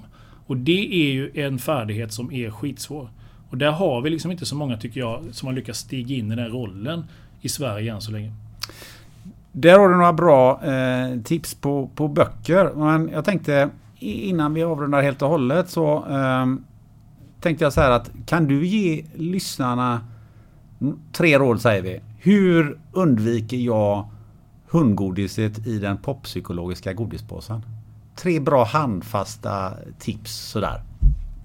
Ja, om man ska hitta något slags enk enklare råd att försöka sära på det här, liksom vad som är bra och dåligt. Så det första är på något sätt att leta efter definitivt språk. Om man uttalar sig väldigt starkt. Det här kommer att funka, orsak, verkan. Det här kommer leda till det här. Om det finns ett, liksom ett starka slutsatser. Och framförallt om det är väldigt tungt på ena sidan gungbrädan att man uttalar sig väldigt starkt och mycket. Men att det inte finns särskilt mycket på andra sidan gungbrädan i form av bevis och referenser. Det är ju en första varningspunkt. Att man är väldigt... Det finns ingen ödmjukhet. Kan vi säga. En annan sak om man ska försöka granska det här med liksom, om det är forskning bakom. Om man pratar om en enstaka studie och ger den väldigt mycket vikt. Då ska man vara försiktig. Pratar den här personen om, om liksom en enstaka studie eller pratar den om hela fältet? Oftast när forskare är ute och gör det bra så pratar man om att nu har det kommit en ny studie men den är bara en i mängden. Hela fältet, zoomar vi ut lite, då ser det lite annorlunda ut. Vad är det man uttalar sig om egentligen? Eh, och uttrycks tvivel eller försiktighet. Finns det någon självkritik i budskapet överhuvudtaget? Finns det ingen som helst självkritik? Eller till och med om du ställer en fråga. Ja, jag har hört om alla fördelar med det här testet eller den här metoden. Men vad är problemen och nackdelarna? De flesta som är duktiga säljare vet att man pratar inte om det. Alls. Och gör de det så pratar de om det väldigt undanflykt. Sådär. Då, då har du liksom oftast ett problem. Så starka slutsatser, ingen bevis. Och att man liksom har en enkel lösning på ett komplext problem. Och det inte finns någon forskning bakom. Grymma tips. Försöka. Det där kan ju någon hävda liksom att ja, men de, de, de, de ger ju mig en lista på 30 referenser ändå. Ja. Där har du problemet. Det är svårt Ja. att se igenom. Det är svårt att se igenom. Ja. Du, nu har vi suttit här och tjötat i två, Två timmar. timmar. om populär psykologi. Hur, hur, hur har det känns? Ja, det var jättekul. Eh, om eh, du skulle få välja, vem tycker du, eller vilka tycker du jag skulle eh, intervjua i den här podden? Ja, jag har ju två förslag. Det ena är lokalt och det andra är bredare. Ja. Eh, Det ena är personen som vi träffar vid lunchen här, Bo Johansson, professor i psykologi, som kan prata om åldrandet och åldrandets psykologi och pensionering. Tror jag det har varit ett ganska... Ett, ett, ett område som jag tror många är intresserade av. Mm. Eh, Det andra är mer personligt själv. Jag hade varit nyfiken att höra vad Jocke Berg i före detta Kent gör nu för tiden. Jocke Berg i före detta Kent. Okej, det, det får vi ta och kolla. Ja, men det var ju ett intressant inspel, tycker jag. Ja, Ja. verkligen det. Eh, du har redan nämnt en bok som du eh, är på väg ska ge ut. Vad Ja. heter boken? Ja, vi får se vad förlaget säger här. Men första, första förslaget var ju från crap till helt okej. Det tror jag inte de kommer ta. Varför det då? Nej, men det kanske var lite för, för eh, inte, inte så tydligt. Men, men alltså, om jag själv får bestämma så tror jag den heter något stil med eh, Sandslott och Psycho Business. För det som vi pratat mycket om, alltså, det är egentligen sandslott som ramlar ihop när man bara petar på dem. Och Psycho Business, det är just det här vad man håller på med. Att man säljer psykologiska eh, teorier som inte har stöd i forskning och gör business av det som, på ett sätt som är problematiskt. Så någonstans där med sandslott och Psycho Business tror jag nog titeln kommer bli. Så får vi se när den kommer ut. Och när kommer den ut? Ja, vi får se. Förhoppningsvis 2020 någon gång i alla fall. Någon gång 2020? Ja. Och då räknar vi med att den kommer ju definitivt att ligga högst upp på listorna. Ja, tyvärr har man väl inte riktigt det eh, säljande budskapet kanske. Men eh, förhoppningsvis så kommer den i alla fall skapa debatt. Det är det jag hoppas. Det tror jag absolut. Om man vill i övrigt då ehm, veta mer eh, och, och kanske följa det någonstans och, och, och se vad du säger. Vad, vad, hur ska man göra då? Ja, eh, jag finns på Twitter. Mm. Eh, jag försöker och eh, vara någorlunda aktivt regelbunden och lägga mig i diskussioner och eh, föra den kritiska fanan högt i alla fall. Så Twitter, jag finns på LinkedIn också. LinkedIn har jag skrivit vissa artiklar, lite försöka göra det som du och jag pratar om, att förenkla saker och ting och ställa mig ändå liksom kritisk till vissa begrepp och sådär. Så LinkedIn och Twitter är väl det bästa. Jag tror inte jag har någon ond tvilling som har exakt samma som mig, utan söker man på Magnus Lindvall så gör man inte med det. Perfekt. Magnus Lindvall, eh, tack så mycket för ett extremt intressant samtal och att du ville vara med i podden här. Tack så mycket! Sådär ja. Nu vet du vad som är skillnad på vanligt godis och hundgodis i självhjälpens värld. Det blev några rejäla kängor som gav mig både skratt och allvarliga funderingar. Nu till en helt annan allvarlig fundering.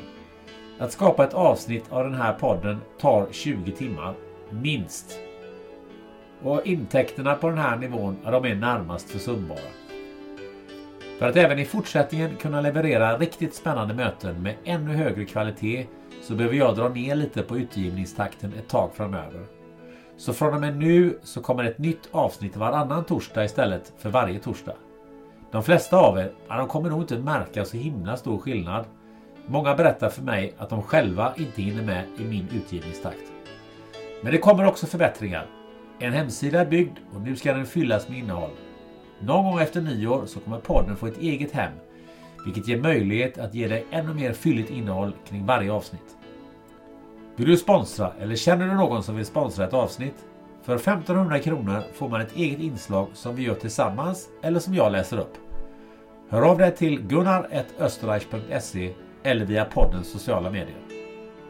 Nästa gång hörs vi på annandagen med en kavalkad av smarta tips och intressanta ståndpunkter från några av alla gäster som varit med. Och den 2 januari så är vi tillbaka med en superintressant intervju med Sara Mohammed som aktivt arbetar mot hedersvåld och förtryck som närmare 250 000 ungdomar i Sverige drabbas av. Vill du veta vilka gäster som kommer framöver? Spana in poddens Facebookflöde för där kommer hela kalendariet för både januari och februari. Nu är det slutsnackat för den här gången. Ta en glögg, sätt dig i soffan och leta upp ett avsnitt i podden som du inte lyssnat på än. Ha det gött!